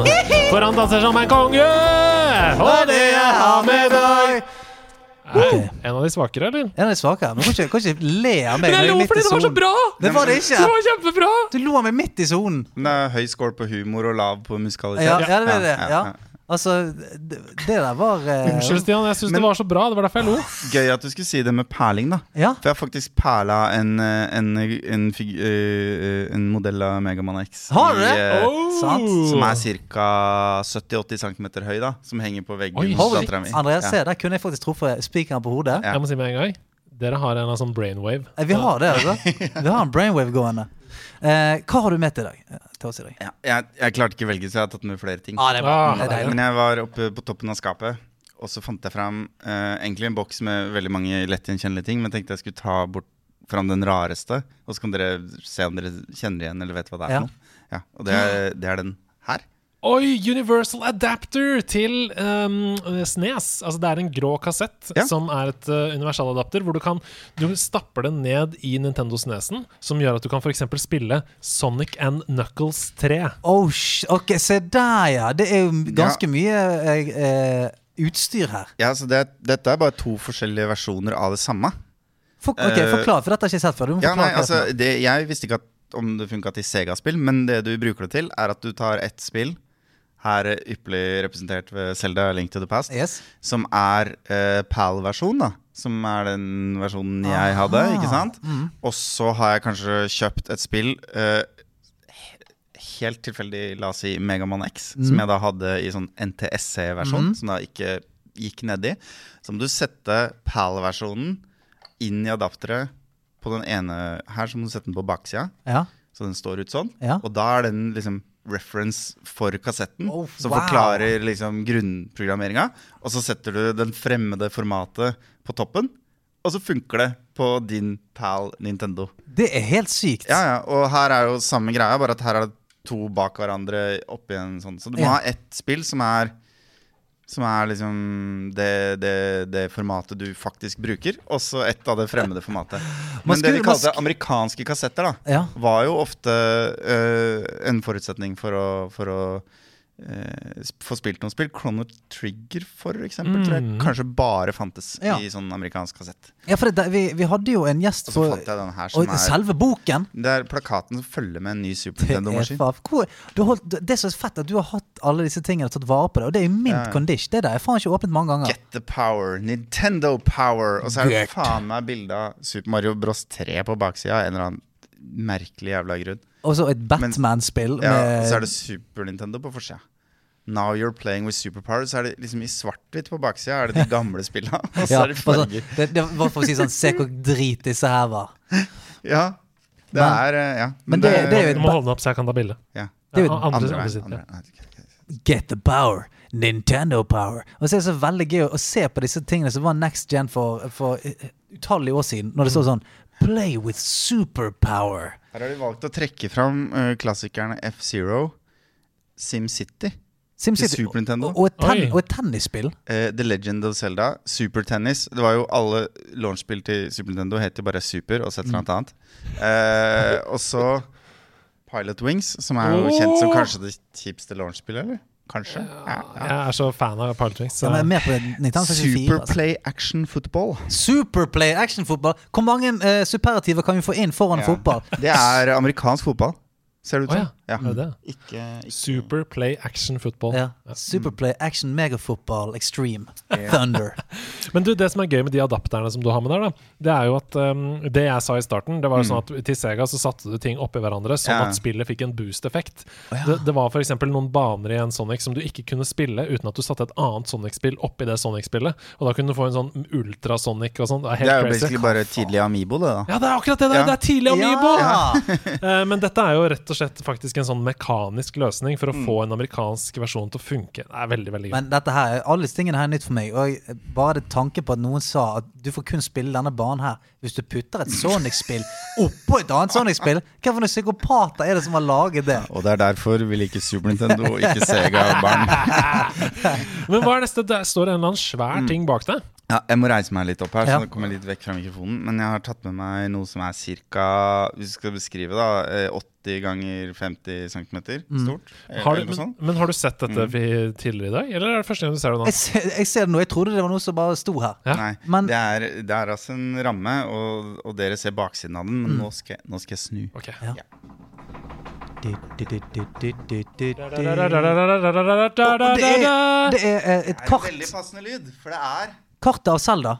et kart over Hyrule. Ja. Oi, det er et kart over Men Men- er det Breath of the Wild, Hyrule? Nei, Dette Men Oi, nå henger vent, eh, nå, nå, går, nå tar jeg med mikrofonen litt rundt der, for sånn at vi får se alt sammen. litt. Men For- det er altså Dette er kartet over Selda 2 til Nes. Oi, oi, Eh, oi. hver, og det er tegna på millimeterpapir. Hvis du ser nærme, så ser du de millimeterstrekene gjennom. Er det du som har tegnet det? Nei, det er mutter'n. Nei! Verdens beste dame! Så det, hun har tegna med sånn filtpenn, eh, strekene, og så har du malt med akvarellfarger, fargene imellom. Og alle stedsnavnene er liksom notert inn med, med penn. Og, og noen sånne småting som hvis du ser den lille fløyta Det betyr at du må stå der og spille på fløyta for at palass nummer seks Ja. eh, skal dukke opp. Fy flate. Dette er helt insane. Dette er, dette er det dette komplette verdenskartet over, over Hyrule. Laget i akvarell på millimeterpapir. Og det dukka opp nå relativt nylig i et flyttelass igjen. Eh, for, Holy og shit. derfor, så- det er rett og slett bare ramma inn og hengt opp på veggen i stua mi. Hvor mye betyr dette for deg? Det, det er Ja, det er, det, betyr, det, det er sånn blanding av at jeg bare Jeg er kjempeglad for at hun gjorde det. Eh, og, det og det betyr også Jeg kan jo fucking Jeg har jo det spillet her, liksom. Jeg kan Mm. plukke det opp kan nå, og så kan jeg følge Jeg kan bruke kartet. Eh, og, og så er det noe med at det, jeg, jeg innser at det fins bare én av det her i hele verden. Ja. Ikke sant? Det, det må tas vare på, da. Det kan ikke liksom gå i stykker. Så det har jeg Men altså- det, det som dette er, da, det er jo en kjærlighetserklæring. U uten tvil. Fordi dette er jo en person som ikke hadde noe forhold til gaming. Nei, hun hadde to, to håpløse karer i husstanden sin som gama litt mye, kanskje. Ja, Men, men ja. Så eh, skjønte at det var viktig for deg, liksom. Ja, ja, ja. For en mor. det, det er dessverre blitt borte, da, men det fantes jo også tegninger av alle dungeonene. Altså sidescroller-delen. eh, med hvor det var hjertebiter og alt mulig sånt. Skal vi Det sånn, så er så insane. Hvis du lener deg inn så at du kan bli med på bildet, så er det helt nydelig. Altså, der, ja. Og det blir fint. Dette Potter Story, folkens. Da er det litt sånn på høykant òg, så blir det enda bedre. Der, ja. Nydelig. Altså, det, det der er Altså, når, når du bare vet hvor mye arbeid som har blitt gjort for å gjøre det der For det, skitten er detaljert, det må jeg si. Altså, eh, det blir laget på millimeterpapir. Jeg tipper sånn at man har, kunnet brukt Hver piksel er en halv ganger en halv centimeter, da. Ja. Ja. Så det er det er detaljert som faen. Og hvis ikke du går nær på det Nå, nå sitter jeg altså 1,5 meter fra det.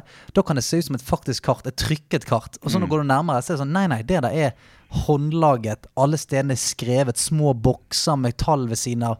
Det er faen meg Det er noe Det er noen hjertebiter merka inn der. Hvor finner du de, og wow. sånn. Eh, det, og mo moren min og venninna hennes eh, de, de gjorde også en ganske interessant øvelse på Super Mario 3, husker jeg. Fordi der har du de der eh, bonusbretta hvor du Ah. skal åpne og så finne to like. Så basically memory, ikke Memory, sant. Og så ja. har du en eller to muligheter du kan drite deg ut før du liksom er ute av Mm, spillet. mm. Eh, og de satte seg ned og tegna opp. Hver gang de gjorde det, så tegna de opp. Og så etter hvert så fant de ut at det var bare åtte forskjellige ferdige setups. Det er ikke Ja. randomisering. Wow. Og det de fant ut også, er at hvis du tar, tar kortet øverst til venstre og det nest nederst til høyre Hvis du åpner de to første gangen ved å se hvilke to det er, så veit du hvem av de åtte det er, og da får du full pott hver gang. Med den malen de lagde. så Det det hadde jeg altså til. Super Mario 3. Jeg tok med den lille her, som kommer fra et sånt Nintendo-magasin. Som er, shit, ass. basically Dette er kartet dere ser håndtegna her. Mm. Eh, men det er et slags forsøk på å retconne kartet fra Selda 2 og Selda 1 Ja. inn i samme verdenskart. og, og mye dårligere kart. Ja, ja, men her ø øvre delen er Selda 2, og så er det under er Selda 1. Da. Ja. Så Du det er er liksom nødt til å lese hva som står Ja. på baksiden. eh, På baksiden, og det er skrevet nå i år Du er nødt til å lese. Fra den gang du var liten og søt, hjerte, Gratulerer med 37-årsdagen fra mammaen din. Altså, jeg dauer! Dette her er faen meg så fint at jeg, altså, jeg vet ikke hva jeg skal si engang.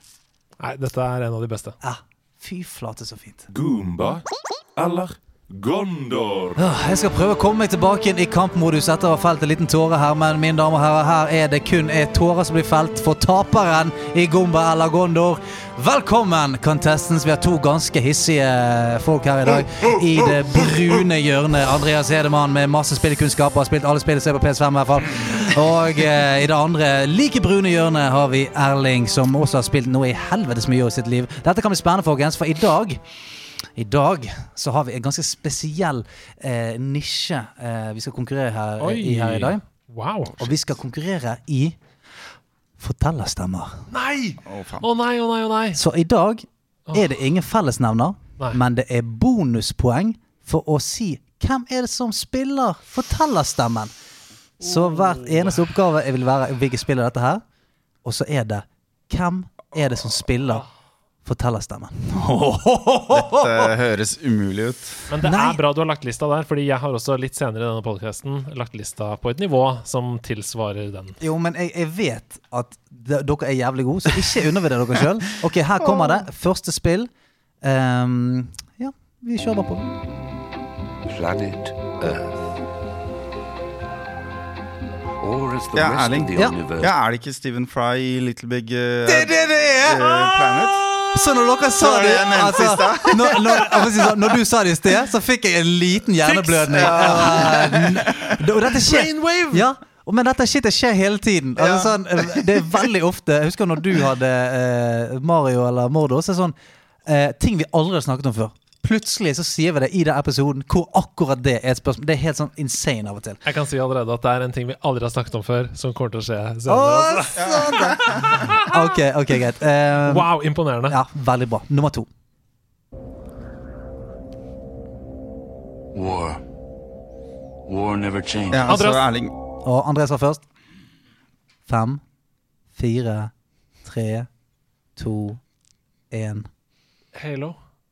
Nei. Fuck. Erling. Det er Metal Gear, Ja. Oh, Metal nei, Gear. det nei, dette er War Never Change. Det er, Ah, det er Erling! ja. ja, Erling. Uh, uh, uh, eh, eh, Fallout. Ja! Fallout eh, 3, da, Du, tipper vet du hva? Det er faktisk Fallout 1, Mm. 2 og 3. Og jeg tror faktisk denne og det, og det, Samme lydklipp. ja, og det som, stemmer, det som stemmer, er at War Never Changes er også i Metal Gear Solid. Hvis ikke det er helt feil. Dere må gjerne rettsette meg, men jeg er rimelig sikker på det. Eh, ok, stemmeskuespilleren her, da. En kjent skuespiller. Erling, Ja. jeg bare sier Troy Baker. jeg. Nei, det er det ikke. Nei, fordi dette er en skuespiller-skuespiller. Det er en Det skuespiller-skuespiller. er det, det, er det, det, er det, det, er det. Ja, nå, nå, nå, har du Ja. gjetta, så nå må jeg bruke litt tid på å tenke her. Ja. For dette vet jeg jo egentlig. Jeg har jo spilt uh, disse spillene. ja. Uh, uh, Absolutt ikke noe sånn perifer nei, ikke i det hele tatt, nemlig. Nei, jeg har det ikke. The Romans waged war to gather slaves and wealth. Spain Erling. built an Ja. Er det Sean Bean? Å nei, det er det ikke. Nei. Dere er gode nå. for gold and territory. Når du har svart, Andreas, skal dere få et hint. Er, er det lov å prøve? Ja, ja, ja. Ja, Anthony Hopkins? Nei, det er ikke det. Ja, hint. Hintet er kan ofte bli sett med en eh, sigar i kjeften. Han er, han er en Andreas. Ja. Uh, Bruce Willis. Nei, det er ikke John det! McCain? Nei! Ok, jeg kan si eh, han, han, Å ja, eh, Erling. Ja. Er det Clint Eastwood? Nei! Nei. Ok, vi har snakket om, vi har snakket om perler tidligere.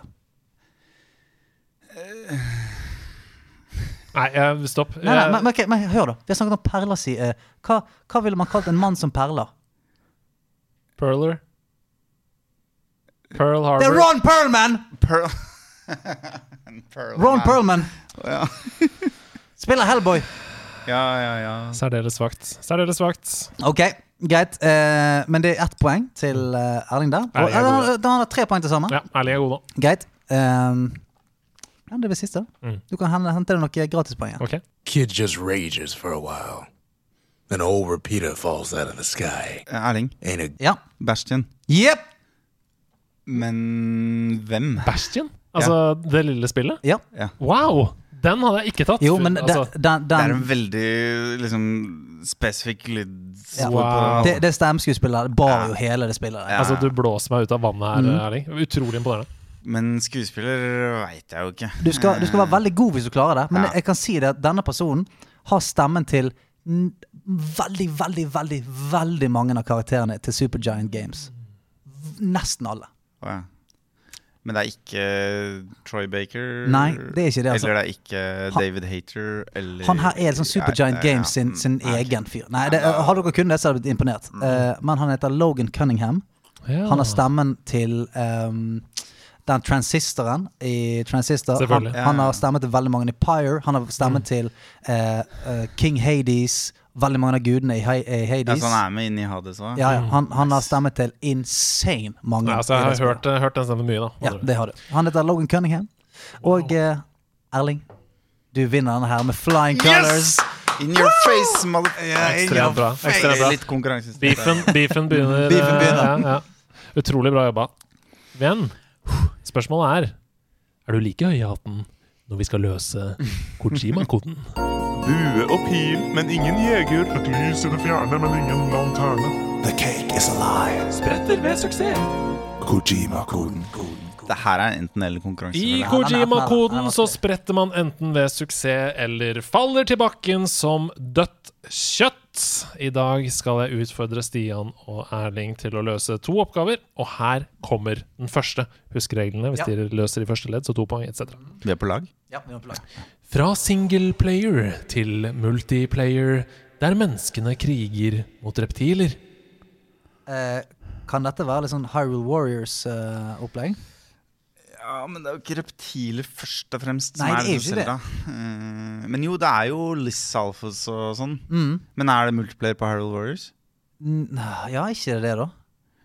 Nå kan jeg, jeg, jeg har ikke spilt det. Du har jo også der Zelda Force Wards, eller hva faen det heter. Ja, kan det være for Er det noe sånt? Eller uh... Nei, nei, men mennesker i kriger mot reptiler. Er, hva med uh, Hva med um, XCOM?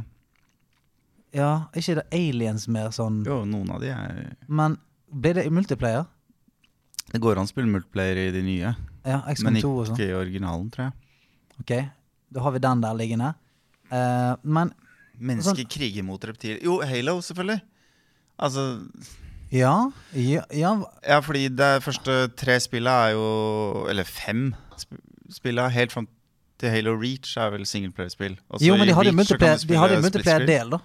Altså Ja. I Halo 1 og Halo 2, så det var jo er Multiplayer riktig, hadde men stor Det som var sin. nytt, var jo at Halo Guardians, er det vel? Mhm, Så på en måte blir det full blown. full blown co-op multiplayer, fireplayer-opplegg. Er Faen, altså. Men uh, jeg tror Jeg lurer på om vi kanskje har vært innom det. Altså. Fy faen, han er steinansikt. Ja, er Stensitt. Altså, bare for å utforske mer, sånn Dragon Quest Builders eller et eller annet. Har, har det noe Nei, det er, sånn, det er ikke noe reptil. Men mennesker kriger mot reptiler. Men hvis vi gjetter nå, så får vi fortsatt hint nummer to. Ja, ja, ja. gjetter Ja, feil. ja, ja, Ja. Eh, Jeg, jeg går for din magefølelse. ok, Halo Guardians, da. Det er dessverre ikke Halo Guardians, men det er en veldig interessant diskusjon å høre på dere. For dere, tenker på, dere, dere tenker på mange riktige ting her. Eh, det var første hint. Her kommer det andre. Fra singleplayer til multiplayer. Eh, Merk dere det? Der menneskene kriger mot reptiler. Det føles nesten for bra til å være ekte når jeg skyter deg med min redeemer. En redeemer. Hva faen spiller det, da? Eh, kan det være Doom? Nei, det er ikke reptiler der. Det er jo bare demoner. Um, mennesker mot For bra til å være ekte, da tenkte jeg på Unreal. Men det, han la liksom ikke trykk på det. Føltes ikke som et ordspill. Unreal Åh, Tournament. Faen, et, et, Men jeg husker ikke om det er uh, Unreal Tournament. det. er riktig. er det riktig. Er det det? Unreal er nemlig singleplayer, men Unreal Tournament Yes! er multiplayer. Jeg har aldri spilt Unreal, så jeg ante ikke det Nei, og det er akkurat som du sier, det føles Ja. nesten for bra til å være ekte. Unreal, selvfølgelig. Ja. Eh, det er utrolig bra! Veldig, veldig Kan jeg gøy. skyte inn bare litt Altså, fordi jeg gikk på en skole hvor klassen vår fikk, alle fikk hver sin laptop, og det høres ikke så utrolig ut, men vi var den første klassen i Norge som fikk det. Og det var sånn prøveprosjekt, sånn forskningsprosjekt. Bullshit forskning og masse triks med data for å få funding til skolen og sånn. Men poenget var at vi hadde Starcraft og Unreal Tournament i timen. Eh, og det er der jeg har spilt det Det går- masse, liksom. Det går et sånn chill spill som Unreal Tournament å spille. ja, det, men eh, ja, vi lærte mye om hvordan du setter opp LAN mellom to klasserom og sånn. Ja. Dere knakk eh, Kojimas kode i andre ledd, og vi skal videre til neste Kojima-kode. Sjokkerende scener som holdt meg våken om natten. Wow. Kan det bli mer generisk enn det? Kan det bli Men da er det et ordspill inni der, ikke sant? Ellers hadde det ikke vært et hint. Nei, det Så er det jo ikke enten shocking eller Alan Wake. Bioshock?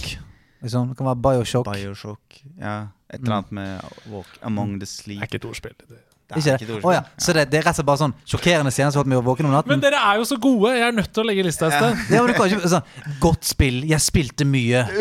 Faen, hvordan skal vi klare det? sjokkerende scener som holdt meg våken om natten, det er ikke Ja. Breath of the Wild. Det skjønner du. nei, Nei, nei, okay, men det ok, kunne vært Bioshock. Okay, ok. Eh, men er det ah, kan, vi, kan du si at det liksom er gammelt eller nytt, da? Eller sånn Jeg vil ikke si noen ting. Ja. Dere kan liste opp eh, spill som er eh, Ok, så alle spill som har sjokkerende scener? Alien Isolation, for eksempel. Da. Det tror jeg ikke han har spilt. Men sjokkerende, det trenger ikke være skummelt. Det kan bare være sånn der Å, å herregud, gjorde de det der, liksom? Det kan være Last of Us 2, liksom. Uh, Killer Instinct. De river liksom ry eh, ryggraden ut Ja. av hverandre. Mortal og- Kombat. Men Last of Us 2 er jo sånn Dere er nok mer inne på noe nå, fordi det handler Mm. mer om tiden Altså, det, det um, okay, ok. Ikke sant? Så han var liten, Han var liten og så han så han noe som bare Spilte- Å, herregud, ja. går dette an? Men han spilte jo i korps, sant? så det kan jo være at det var bare liksom for, ma for mange skilpadder på en gang på Super Mario. Ja, Liksom. eller noen Too knuste many en tromme. Noen knuste en tromme, liksom. Bare, ja, shit. Ja. Nei, men uh, Bomma på takten i Guitar Hero. Ja, ja. Ja, men Doom, da. Doom kan det være. Quake kan det være. Fordi Doom fikk jo liksom et rykte på seg for å være sjokkerende i norsk det var jo super gory, da. Mm. Uh, ja, vi prøver oss på en Doom, vi. Nei, det er ikke Doom, det er ikke okay, Doom men dere tenker helt riktig, uh, for her kommer neste hint. Altså sjokkerende scener som holdt meg våken om natten, i et spill som, hvis det ble tillatt, kun var for dem over 18. Ja, men det, det, det, er narrow, det er ikke noe narrow down. Eh, jo da, fordi Valgerd Svarstad Haugland ville forby GTA. Så det var faktisk usikkerhet rundt om det ville liksom slippe ut da. Gøy. Kulturministeren vår prøvde å Jeg- stoppe jeg kan GTA si at dette 3 er- eller San Andreas, husker ikke. Både ledd 1 og ledd 2 Ja. handler om et samfunnsmessig perspektiv. Altså sjokkerende scener. Ja. Da dette spillet kom, så Altså, det var, det var sjokkerende. Call Så sjokkerende at det ble banna i flere Call land. of Duty, Modern Warfare. Det er derfor jeg skriver Nei, det er ikke riktig. No det, er, det er derfor jeg sier i et Mm. spill som hvis det ble tillatt. Fordi i flere territorier så ble det faktisk banna. GTA ble jo banna i Australia fordi de ikke hadde 18-årsgrense i skalaen sin. Mm. Så dermed så kunne de ikke slippe Ja. det. Og Call of Duty ble jo bannlyst i mange land pga. den scenen hvor du går inn og skyter vilt rundt deg på en flyplass. Ja, no, men det var ikke det. det. Nei, det var ikke det heller. Jeg Er, det seksuelt da, kanskje? Er Ja, Hva det med Manhunt, da? Ah, Eller Postal? Postal? Var det noen som spilte Postal? Jeg har ikke spilt det. Det var et jævlig spill. Ja. Du du husker. Manhunt? Som Ja, går ut ja. på hvor du får ekstrapoeng for å drepe folk bestialsk? Ja, sånn. du, Mm. du fikk sånn uh, pianotråd og sånt shit. Mm. Ja, det var helt intenst, det. Nei, det er ikke noe av dette her heller. Du ser på ansiktsuttrykket? Ja, oh ja, så, Jo så, så, hvis vi har vært, så hvis de vi har vært inne på det, så, så vil ikke du si det? Nei. Men jeg, jeg, jeg heller mot Manhunt. Ja. Manhunt Manhunter. Det er riktig. Oh, shit! Det er riktig! Det er Manhunt! Og der skal man grave faen dypt, Hvor gammel var du da du spilte det? Ja, Altfor, altfor ung. ja fy Ja, faen. ja. For det var helt Du skulle være en morder. Altså, du skulle, du skulle filme hvordan ja, det var, det var- Jeg, jeg mener helt helt seriøst at det, liksom, når man debatterer sånn om dataspill og vold og sånn, så er liksom akkurat den der Ja. hvor det liksom Det er ikke et lag med ironi, det er ikke et lag med samfunnskritikk. Det er, det er ikke noe sarkasme. Det er ingenting. Det er bare vær dust, og vær det mest mulig dust. De kunne bare latt være å lage det spillet. Ja, for- jeg mener ja, men helt det- ærlig, liksom. Ja, for jeg husker jeg tenkte sånn Dette er jo sånn mordsimulator. Ja. Dette er for hitman. Det er mer sånn OK, du er en hitman, det er noen bad guys. Det er eh, story, blikket- Ja, du er Ja, Ja. Spoiler Nei, jeg husker- alert, jeg husker- du er en klone. Ja. Vi er nødt til å si Ja, ok. at Vi er nødt til å si at uh, Erling, Ja. du er den mest imponerende deltakeren i nederlandslaget er vi har hatt. jævlig- jævlig god. Shit.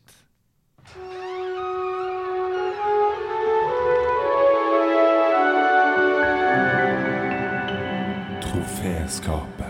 Mm, Jeg regner med at etter åtte episoder så kjenner alle lytterne dette formatet, så vi trenger vel ikke å forklare hva som skal skje her i dag. Men Stian, hva har du tatt med deg til oss? Du, vet du hva? Eh, vi har jo vært innom et tema i dag som eh, alle har eh, blitt veldig sånn revet med på, og det er dette denne følelsen av når en ny konsoll kommer, next gen, nostalgien eh, ved den forrige, og ikke minst sånn gleden av den neste.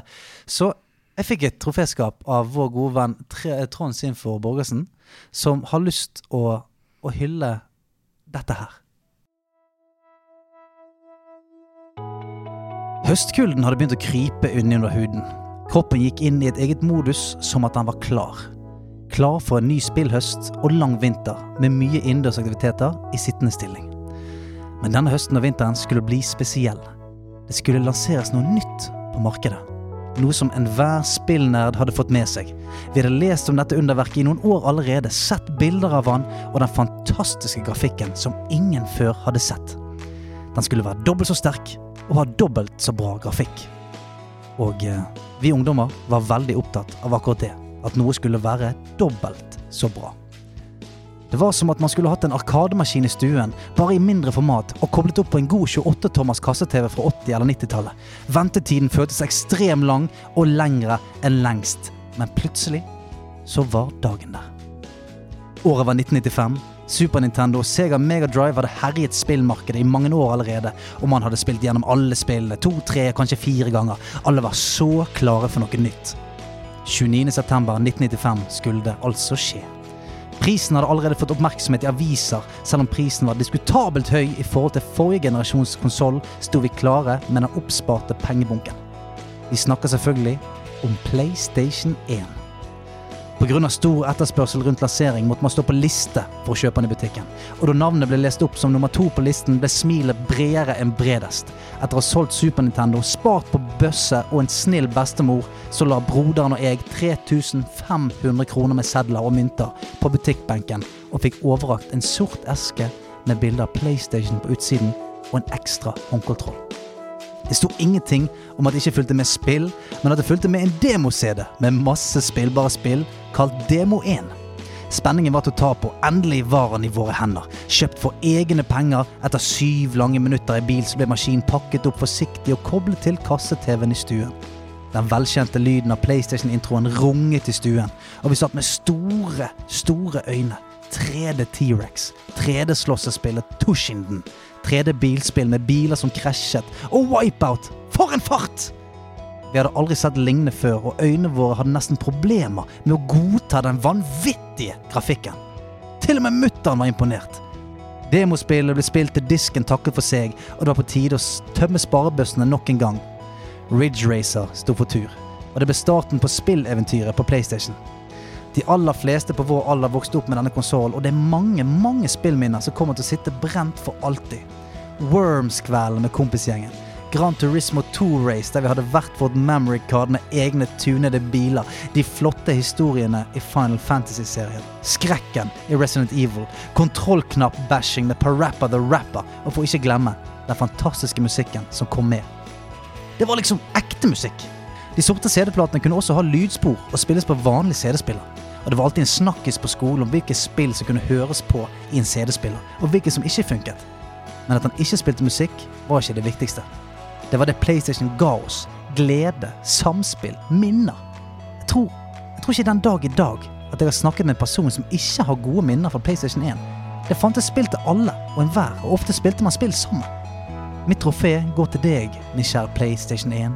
Du har vært med fra starten og har fremdeles hedersplass i min konsollhylle sammen med lillebrødrene PS2, PS3 og PS4, og med attpåklatten PS5 i magen. Ja, du hørte riktig. Selv om dine lillebrødre har mer kraft og bedre grafikk, så vil du alltid være storebror og fortelle historier om hvor stor plass og viktig endring du tok i spillverden da du ble født. Du er unik, og du vil aldri bli glemt. Takk. Ja! Trond! Trond! Sinfor! Sin4. Tusen takk. Det var nydelig, altså. Ja, ja, ja. ja. Se hva maskinen der, da. Ja. Husker du PlayStation 1 godt? Jeg husker at jeg hata litt på den. Fordi jeg hadde, jeg hadde Nintendo 64, ikke sant? og da var det jævlig viktig at den var best. Ja, ja, ja. Fordi du har investert eh, alt av ære og, Ja, ja. og sånn i det.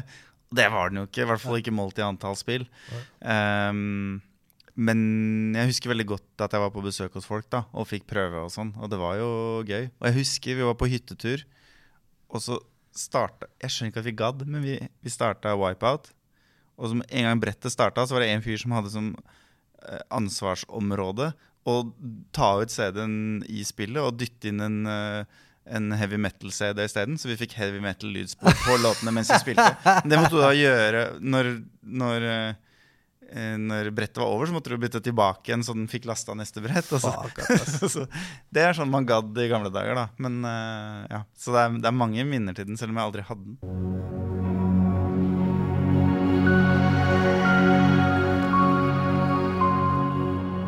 Det store spørsmålet fra Opp Ned Kors. Veggene blir mindre for hver time som går. Du har allerede telt skjøtene i taket et titalls ganger. Kanskje du skal begynne med veggen? Irritasjonsmomentene kommer hyppigere og hyppigere. Spillbiblioteket er gått gjennom, brettspillene er slitt ut. Såpeboblene og hengekøyene ligger fortsatt ubrukt i skapet. Du har et vagt minne om hvordan sola ser ut. En mager trøst er at du fortsatt har igjen dopapir fra forrige lockdown. Kanskje jeg skal se Star Wars en gang til? Hvilken spillkarakter ville dere bodd sammen med i karantene? Ja, hva tenker dere om Opp- og Ned-Kors sitt spørsmål denne uka? Nei, Han, han tar jo pulsen på Det samtiden. er det jeg gjør. Sånn, han, tar- han treffer meg virkelig nå. Ja. For jeg hadde trengt en spillkarakter. Selv om jeg ikke er i karantene, så har jeg, har jeg hjemmekontor 30 timer i uken, så jeg eh, kjenner at jeg er lei Zoom-møter nå. Det som er viktig her, da, det er en balansegang mellom ø, optimisme og positivitet og irriterende. Mm. Fordi det kan, altså En karakter som bare alltid er positiv, bladong, Yoshi for eksempel, Nei, nei, nei. nei, dauer. nei, nei, nei, nei. Jeg tenker mer på at jeg vil ha en å spille med. Å ja, en spillkarakter å spille med. Så en spillkarakter som Nei, men Jeg vil ha en kompis som jeg kan spille med i sofaen. da Som både Ah, ja. kan spille coop uh, FPS-er med meg på Xboxen. liksom Hva med Nathan Drake? Ja, jeg skulle til å si det! Jeg skulle til å si det Spiller Crash Bandicoot med Nathan Drake. Ja, Men det må også da være en person som av og til bare syns det er kult å sitte i hjørnet og se på meg spille et eventyrspill. da Ja. sånn, sånn at jeg ikke er stuck med Fifa og uh, Gears of War hele karantenen. Ja, ja, ja. ikke sant? Det må Hva- være rom for Ja, fordi Hva med en som er litt sånn chill, og som liker å bare ikke ta det så For eksempel Chloé fra Life is Strange. Ja. Altså ikke hovedpersonen, men venninna til hovedpersonen. Hun er jo sånn, hun tar ting som det faller seg. Og jeg tenker at hun kunne kose seg i lockdown og bare helt ligget på en sofa og prata med deg om gutter, liksom. Disse gutta. Ja, Jeg så bare trøbbel ligger med hun dem. bare og prater oppå at du liksom gjør din greie. Men det er derfor du ikke er aleine. Ja, ja. Ja, men det er en chill, da. med, liksom? ja. Ja, Som ikke krever noen ting. Vi, vi, vi har det er sånn bestevennene dine ofte er. At Ja. det er, Dere trenger ikke å gjøre det sammen, bare gjøre noe ved siden av hverandre. Ja. Og så er det liksom chill og kult. Helt enig. Ja. Det er helt enig. Men vi har vært inne på fortellerstemme her i dag. Mm. Jeg, jeg hadde likt å bare ha en som liksom nesten sto i hjørnet og bare narrated. Stephen Fry. Ja, Stephen Fry som bare forteller meg hva jeg gjør, og hva jeg tenker. Og, hva bef altså, og alt som sånn Hvis jeg snur meg, så He turned around, thinking about his oh, life. Men du kommer til å bli gæren det er etter en akkurat uke. det. sant? Akkurat det. Men altså, hvor lang er en karantene? Det er Ti dager? Ti-tolv dager? Da Ja, for det er en karantene, det er ikke Ja. en lockdown. Jeg tenkte, jeg tenkte tenkt sånn siden mars. Ja, nei, nei, nei, det er en sånn Karantene, kort ja. karantene. jeg velger, Da velger jeg Stan, Stanley Parable for fortellerstemmen. Ja. Ja? Andreas woke up that morning and he went into his living room. Problemet så- er at så da blir du sånn- liksom redd for at det skal være en hemmelig verden Ja, bak det det, vasken. Hvis, jeg ikke går inn i stua, da, jeg går til kjøkkenet He decided to not listen to his friendly narrator and went to the kitchen instead. Ja, det er sånn, han tilpasser Det er jo gøy, Det er faktisk. gøy. Mm. He took a shower because he smelled really bad that morning. Og så, og sånn, så, så, så ser du opp på taket sånn Hei! ja, det er gøy. Ja, ja. Ok, nei, men, okay vel, men nå, nå tenker jeg litt annerledes på det, da. Fordi ti dager så kan du ha en ganske energisk person som er mye moro med, og så bare Ha det bra, ses aldri igjen. Ja, ja. Ikke sant? Dette var artig, det. Eh, eh, alternativt, liksom Hvor kjapt takker ikke Sonic oppvasken? Det er alltid Sonic. Ja, ja, men, det, han er jo Men det er jo sånn Jeg, jeg veksler alltid mellom sånn Sonic og Mewtwo. Det, det, det, Mewtwo For det er sånn Ok, jeg vil ha et sånn vesen som bare kan bare fikse alt. Ja. Eh, Jeg, vet du hva? Jeg tar Chef jeg, fra South Park The Game. Oh, ja. Altså Chef, som kan lage noe chocolate salty balls og bare smelle opp noe deilig mat der, og ha litt sånn Hey, Hello, children. Ja, men sånn soul-deilig. Han er bare god og snill, liksom. Ja. Og bare hvis jeg trenger litt uh, sang, så bare Ja. Å, fy Det eneste er man passer seg på kveldene da når han skal se på Men er det noen du kunne tenke deg liksom ti dager sammen, masse tid. En ordentlig mulighet til å liksom Bli kjent, bli kjent, ja. liksom. Er det noen du har lyst til å stille spørsmålene, ikke sant? Ja. Hvorfor gjorde du det? Hva, hvem, hvem er du egentlig? Ja. Er du dritnysgjerrig på hva som driver, motiverer Selda? Prinsesse Ja, men, Selda, ja, men det måtte vært noe Er sånn jeg, jeg, jeg hadde jo likt å bryne meg på noen sånne hardhauser. Få de, de på gråten. Ja, for sant? Marcus Phoenix Ja, begynne å Marcus. Phoenix inn der. sant? Og så Se etter, på, se på sant, for- romantiske komedier med ja, Marcus for I Phoenix. begynnelsen, I begynnelsen så han klart å holde på fasaden. sant? Da han Ja. bare Fuck you. Eh, ja, sant? Og så etter et par dager, sant? når jeg liksom kom meg på innsiden av den eh, store rustningen der, så eh, plutselig så kanskje kunne kommet til kjernen av ting. eh, og så hadde han lagt fra seg eh, motorsagpistolen sin. Problemet er at du hadde ødelagt Gears of War for all fremtid, for alle oss andre. Fordi Ja. Marcus Phoenix hadde blitt en myk mann og sluttet å være i Ja, Gears of War. sant? Og så hadde jeg tatt en liten podkast med han der. Uh, The Man Talk. Talk. men hva med Boy, holdt jeg på å si? Hvordan heter han heter uh, Kiden til Kratos? Å ja, ja, ja. ja. Mm. uh, han, uh, han er vokst opp i Han er vokst opp i en ganske sånn brutal verden, da. Og så bare tar du han inn ikke sant, i huset ditt i ti dager, og så sier du se her, Lego, Nei, dette er creepy. dataspill Dette er creepy. Du kan ikke få en kid inn i huset ditt med Lego og dataspill. Okay, du, er, du er ikke forelder. Nei, det er sant. Nei. Gleden Altså, du får, du får basically sett noen oppleve alle de der eh, øyeblikkene du fortsatt chaser Ah, fra barndommen. Ja, ok, ja. Men du får, du får front row seats til at en Ja, fyr oppdager liksom de flotteste ting av verden for første gang Ja, for- noensinne. for er og sånn- du er den som skjenker det til han. Skjønner du? Ja, for, Nei, det, her, for her er greia for sånn Hvis, hvis en Han har ikke sett elektrisitet før, og så bare Super Mario. ja. Ja. så, altså, hvis, en fyr, hvis en fyr har vært med å ta ned guder og, og slåss mot, uh, mot undead people, så, så er ikke det så creepy lenger. For sånn fyren er jo en, eh, en, en Han kan jo ta kriger. deg ut. Han er, jo- han er jo, han er jo helt gal. Han, Han, lar seg ikke pille på nesen. han er jo en gud. Han er jo halvgud. Jeg går for Chef fra South Park. Ja, jeg skal ha uh, The Man Talk Podcast med Marcus Phoenix. Ja, jeg går for boy. B- Boy!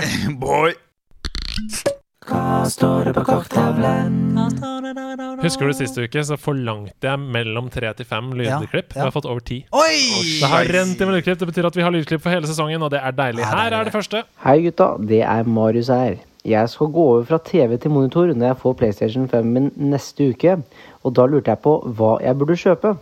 Jeg har jo lyst til å utnytte PlayStation 5 til det fulleste, med både 4K og 120 frames for de spillene som støtter det, da selvfølgelig. Hva slags skjerm er det jeg burde kjøpe? Hva er det dere har på PC-en deres, f.eks.? Og burde jeg kanskje vente med å kjøpe til neste år, når modellene med HDMI 2,1 kommer? Tusen takk for en nydelig pod. Skjøt det går. Grunnen til at jeg tok med dette spørsmålet, var fordi vi dreit oss ut forrige uke. Ja, vi gjorde det. Og det er derfor jeg tok det med, fordi uh, vi svarte nesten på det samme i forrige uke, men vi sa f.eks. at uh, du må ha en TV som i hvert fall har 60 frames, fordi HDMI tar ikke mer enn 60 frames, sa vi. Og så har Men vi blitt HDMI 2,1. Yes, Ja. og Vi har fått ca. 7000 meldinger Ja, ja, ja. i innboksen vår om at vi dreit oss ut der. Blant annet Espen Jodnes skrev dette her til oss på Facebook. Uh, de nye konsollene støtter 120 hertz, men da må også TV-en støtte dette. TV-en må ha en HDMI version 2,1 for å kjøre 120 frames. Samt må du også benytte deg en HDMI version 2,1-kabel, som heldigvis følger med begge konsoller. Yes. Og så spør jo han her om skjerm. Men bare for å følge opp spørsmålet fra forrige uke, så har jeg funnet fram til en TV som jeg tenkte at jeg skulle anbefale denne uka her. Og den TV-en er altså Sony Bravia 9000-serien. Um, og det nøyaktige navnet, hvis dere har lyst til å google og inn, på, inn på komplett, f.eks. KDXH9005. Og Grunnen til at jeg anbefaler den, er fordi for det første så er det 4K 120 Hz med fire HDMI 2,1-porter. Det Ja, ja, ja, helt ja. eh, shit. Det er fire konsoller, det. Det er nettopp. Det er ikke sant? nettopp det. Fire HDMI 2,1-porter. Det er ganske viktig. Du kan få den i 55, 65, 75, 85 dommer. Det mm. følger med et år med PlayStation Plus når du kjøper den TV-en. Eh, ikke at det er så veldig dyrt, men det er jo greit. Og 55-tommeren begynner da på 16 000 kroner. Og det syns jeg ikke er hakkande gale i det hele tatt. Ass, for en så vill Det er en 2020-TV. Altså Den er fra i år. Men bildet bilde og sånn? Ja, den har fått kjempegode anmeldelser, ja, okay. og alt er helt supert. Men gå inn og les selv. Jeg bare, Det er eh, Black Friday snart, vet du. Ja, det er det det er. Det litt sånn, er ikke den litt sånn avlyst? eh, Jo, han er vel litt uh, ja. Ikke på internett, vel. Så hvis du skulle hatt en TV, så er det i hvert fall den du skal gå for. Når det gjelder skjerm, så gå etter de samme tingene. Gå etter 120 frames, gå etter 4K, eh, HDMI 2.1, eh, hvis ikke du skal bruke Men Men åssen er det med sånn curved monitors? Hvis du skal sitte nærme, er det er litt ålreit, eller? Ja, jeg setter, altså, nå snakker jeg kun av egen, eh, egen erfaring. For jeg har jo spilt en del på uh, Samsung eh, Odyssey G9. Og den er sånn det, Den er så jævlig brei, sant? og det er ikke alle spill som er like deilig å spille på det. Noen spill helt breathtaking. Noen er ikke like digg, og heller ikke optimalisert for sånn superwide-greie. så jeg Da får hadde- du black bars, da, hvis du skal ha ja, bra bilde. ja, enten black Mm. bars, altså hadde jeg gjort en eller annen fiffig løsning. Eh, og eh, jeg hadde nok kanskje gått for liksom en 27, eh, Hvis jeg skulle gå for monitor, da, gått for en 27-tommer eh, vanlig, ikke curved, kanskje. Og så eh, Altså, hvis du skal bruke den uansett til PC og sånt etter hvert, så vil jeg liksom Nå får du tak i liksom 240 hertz og, og mer enn det, men nå kan du liksom klin, klinke litt til, da. Mm. Og det koster ikke sånn grisemye mer heller. Men det er jo øh, det, det skal litt til å få noe ut av noe som er mer enn 144 hertz. da Ja, Eh, ja. Det er liksom hvor, hvor mange bilder i sekundet klarer øyet ditt å se. Mm. Altså, hvis ikke du sitter og, og er sikter liksom på piksler i CS eller er liksom e-sportutøver eller noe sånt, så kanskje du skal putte penga i oppløsning. i Jeg har to 24-tommer Samsung-skjermer. Jeg har PlayStation 5 på den til venstre. De er curved. Og så har jeg PC-en til høyre når jeg spiller PlayStation. Så at jeg kan sitte med Discord der og spille på uh, PlayStation. der. Det syns jeg funker dødsbra for meg, da. Mm. Så, men da må du sitte ganske nærme. Men jeg er i hvert fall happy med det. Her kommer neste spørsmål. Hei sann, hoppsann, Hedo, Blipp og ukens fantastiske og helt nydelige gjest. Dere, det er Pyso her, og jeg har en veldig viktig beskjed til alle som elsker både nerdelandslaget og World of Warcraft. For det har seg jo sånn at inne på Draenor-serveren på Horde, der har vi et eget guild, og vi er på utkikk etter flere nerder som vil være med oss inn i Shadowlands for å slåss side om side mot ondskapen. Ja, det blir i hvert fall artig påfunn, det blir noe raiding, det blir noe PVP, det blir Mythic Plus og alt annet du kan tenke deg. Alt vi ber om, det er at du er en trivelig type som kommer inn og bare har det gøy sammen med oss. Så da håper jeg vi ses. Jeg gleder meg. Kjøttet går! Kjøttet går!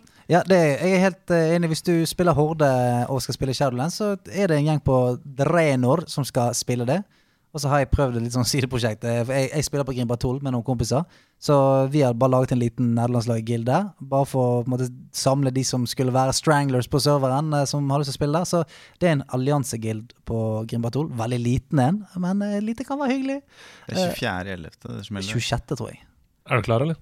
Uh, ja, jeg driver fremdeles og prøver å finne en trapp som er god nok til å hoppe ned. Å, det er veldig gøy. Vi har ett spørsmål til her. Hei, kjære Bli Pedemann og ukens gjest. Som ivrig lytter av podkasten og oldtime gamer, Øy, lurer jeg på hva dere ville kjøpt i julegave til en åtteåring og andre barn som elsker spill.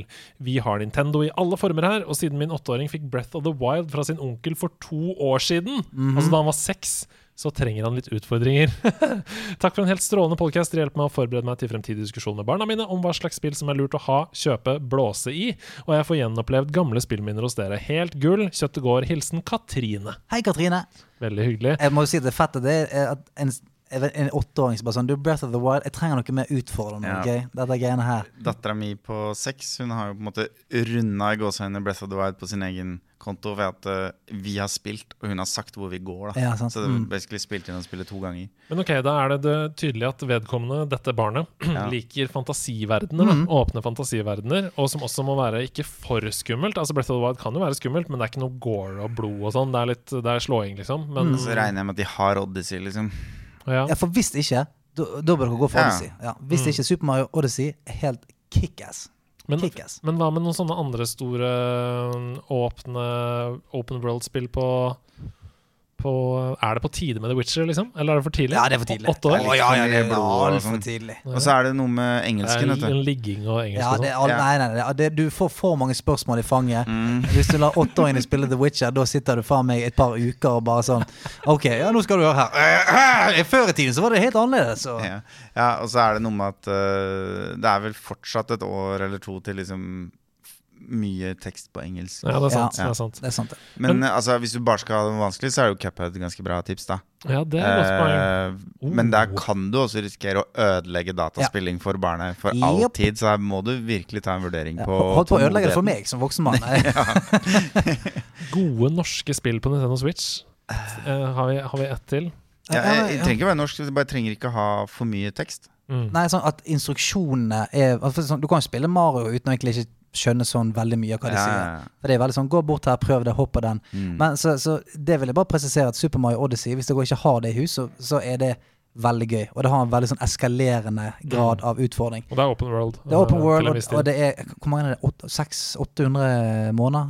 Det er, Det er helt vilt. Det er jævlig mange. Er det ikke 999? Jeg tror det faktisk det Ja, er. det kan godt være. Det er i hvert fall insane mange. Uh, så Ja, og Dark Side of the Moon er pissvanskelig, liksom. Ja, ja. Og det, hold, det holder i to år til, nesten, Mm. det, hvis du, hvis du kliner til med det. Men uh, bare for å gi et tips til, da. Altså ja, Hvis ikke Er det snakk om å, å hente en ny konsoll inn? Nei, det er ikke Nei, det. har man- eh, Finnes Genshin Impact til uh, Switch?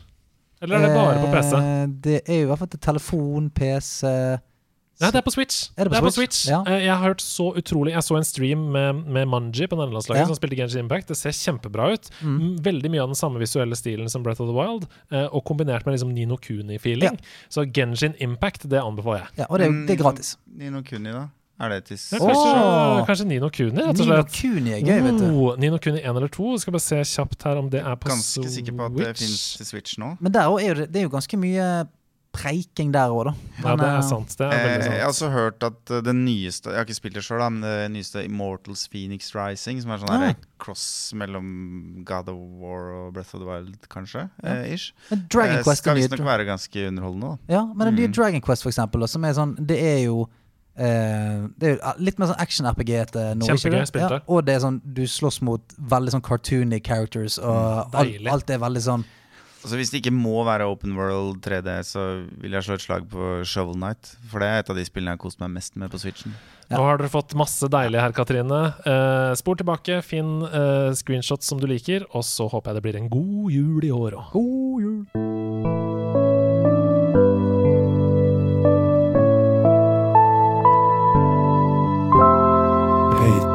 Patreon-perler. Ja, er det, skal vi høre en sang på kantonesisk nå, kanskje? eller? For første gang i Patron Palace historie så har jeg tatt et lyttertips og Yes. implementert i spalten. I Patron Palace så hyller vi de øverste backerne våre ved å lese opp navnet deres på en figurativ og spennende måte, som skjer på en ny måte hver gang. Og denne gangen så er det denne meldingen jeg har fulgt. Hadde det vært noe å kjøre Patron en versjon som et Formel 1-løp? Oi, shit! Du nevnte nemlig Formel 1-discorden i stad. Det er veldig Ja. veldig gøy. Litt svinger, Formel 1-lag, førere, banenavn som patrons. Bare en idé som kunne blitt litt vittig. Hilsen Peder. Jeg trodde du skulle si alle navnene sånn. jeg. Arthur Gulla! Det kan du gjøre en annen gang.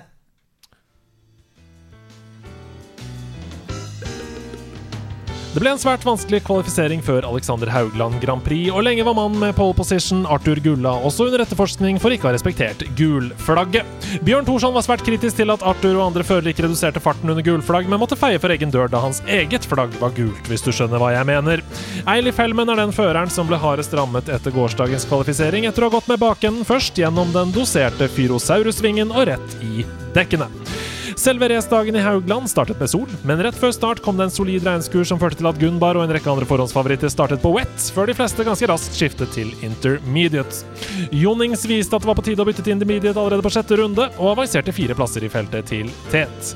Caroline Mys for Mercedes begynte jakten på Jonings ledelse, men da hun forsøkte seg på innsiden i sving 11, Marius Haugeslakteren, kom hun for langt ut og snurret i høy hastighet.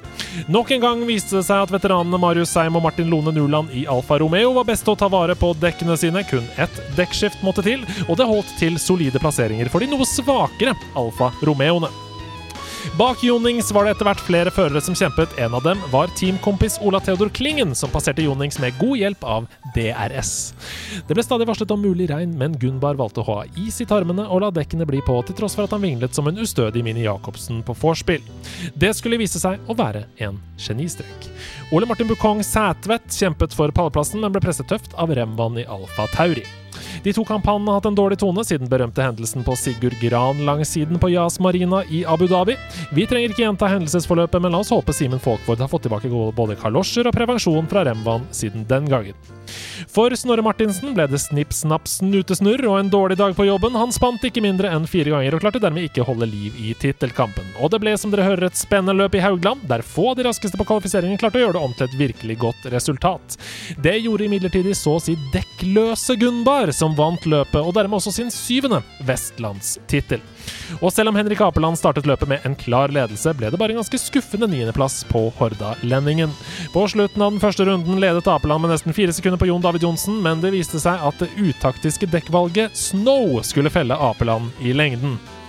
En langt bedre dag ble det for Herman Høgenes Kvinnsland for Team Has. Selv med som alltid klønete teknikere ble Herman nummer to på dagen da lagkamerat Ivan Olimb røk på en skuffende diskvalifisering for upassende muning fra førersetet etter en skrens. Inger Rook passerte teamkompis Nick i McLaren gjennom siste sving og endte med en pallplass så mange nok under henne.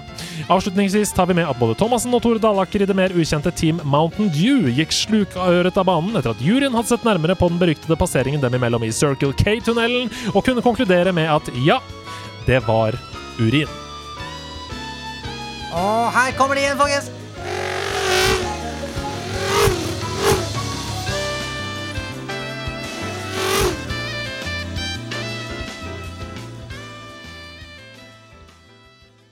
Dette har vi lært. Vi har lært at før hvis du kjøpte spill i Amerika, så måtte du ha en adapter hvor du måtte putte på fire-fem andre spill for å få driten til å funke. Vi har også eh, lært at eh, skulle du spille få et Ultimate Sonic-spill, så måtte du ha fem, seks, syv eller åtte spill oppå hverandre som en slags ludo eh, for å få det til. Vi har også lært at ekte kjærlighet er representert ved et håndmalt kart delt ned fra generasjon til generasjon.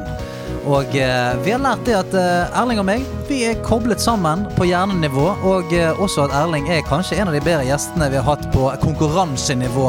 Han har drept Kojima-koden. Han har drept Goma eller Gondor. Vi har lært at hvis du tilbringer nok tid sammen med Marcus Phoenix i karantene, så åpner han seg som en bok og blir en varm og myk mann. I love you. Vi har lært at uh, gammel konestemme og hasjhøystemme er helt likt. Helt likt. Helt likt. Vi har lært at Demon Souls eh, er et av de beste launch-titlene til PlayStation 5, og herregud så mye gøy vi kan ha det med konsollene framover. Xbox Series X er også helt nydelig! Og jeg har lært at trikset for å spille mye framover er bare ikke sove.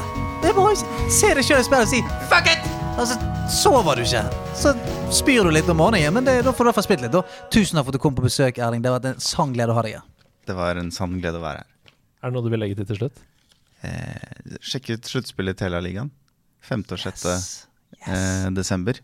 Da blir det CS på lørdag, og så blir det Rocket League og League of Legends på søndag. Og så håper vi selvfølgelig at, så håper vi selvfølgelig at alle som har bestilt seg en konsoll, får den så fort som overhodet mulig, og i god tid før jul. Yes. Kjøttet går. We love you.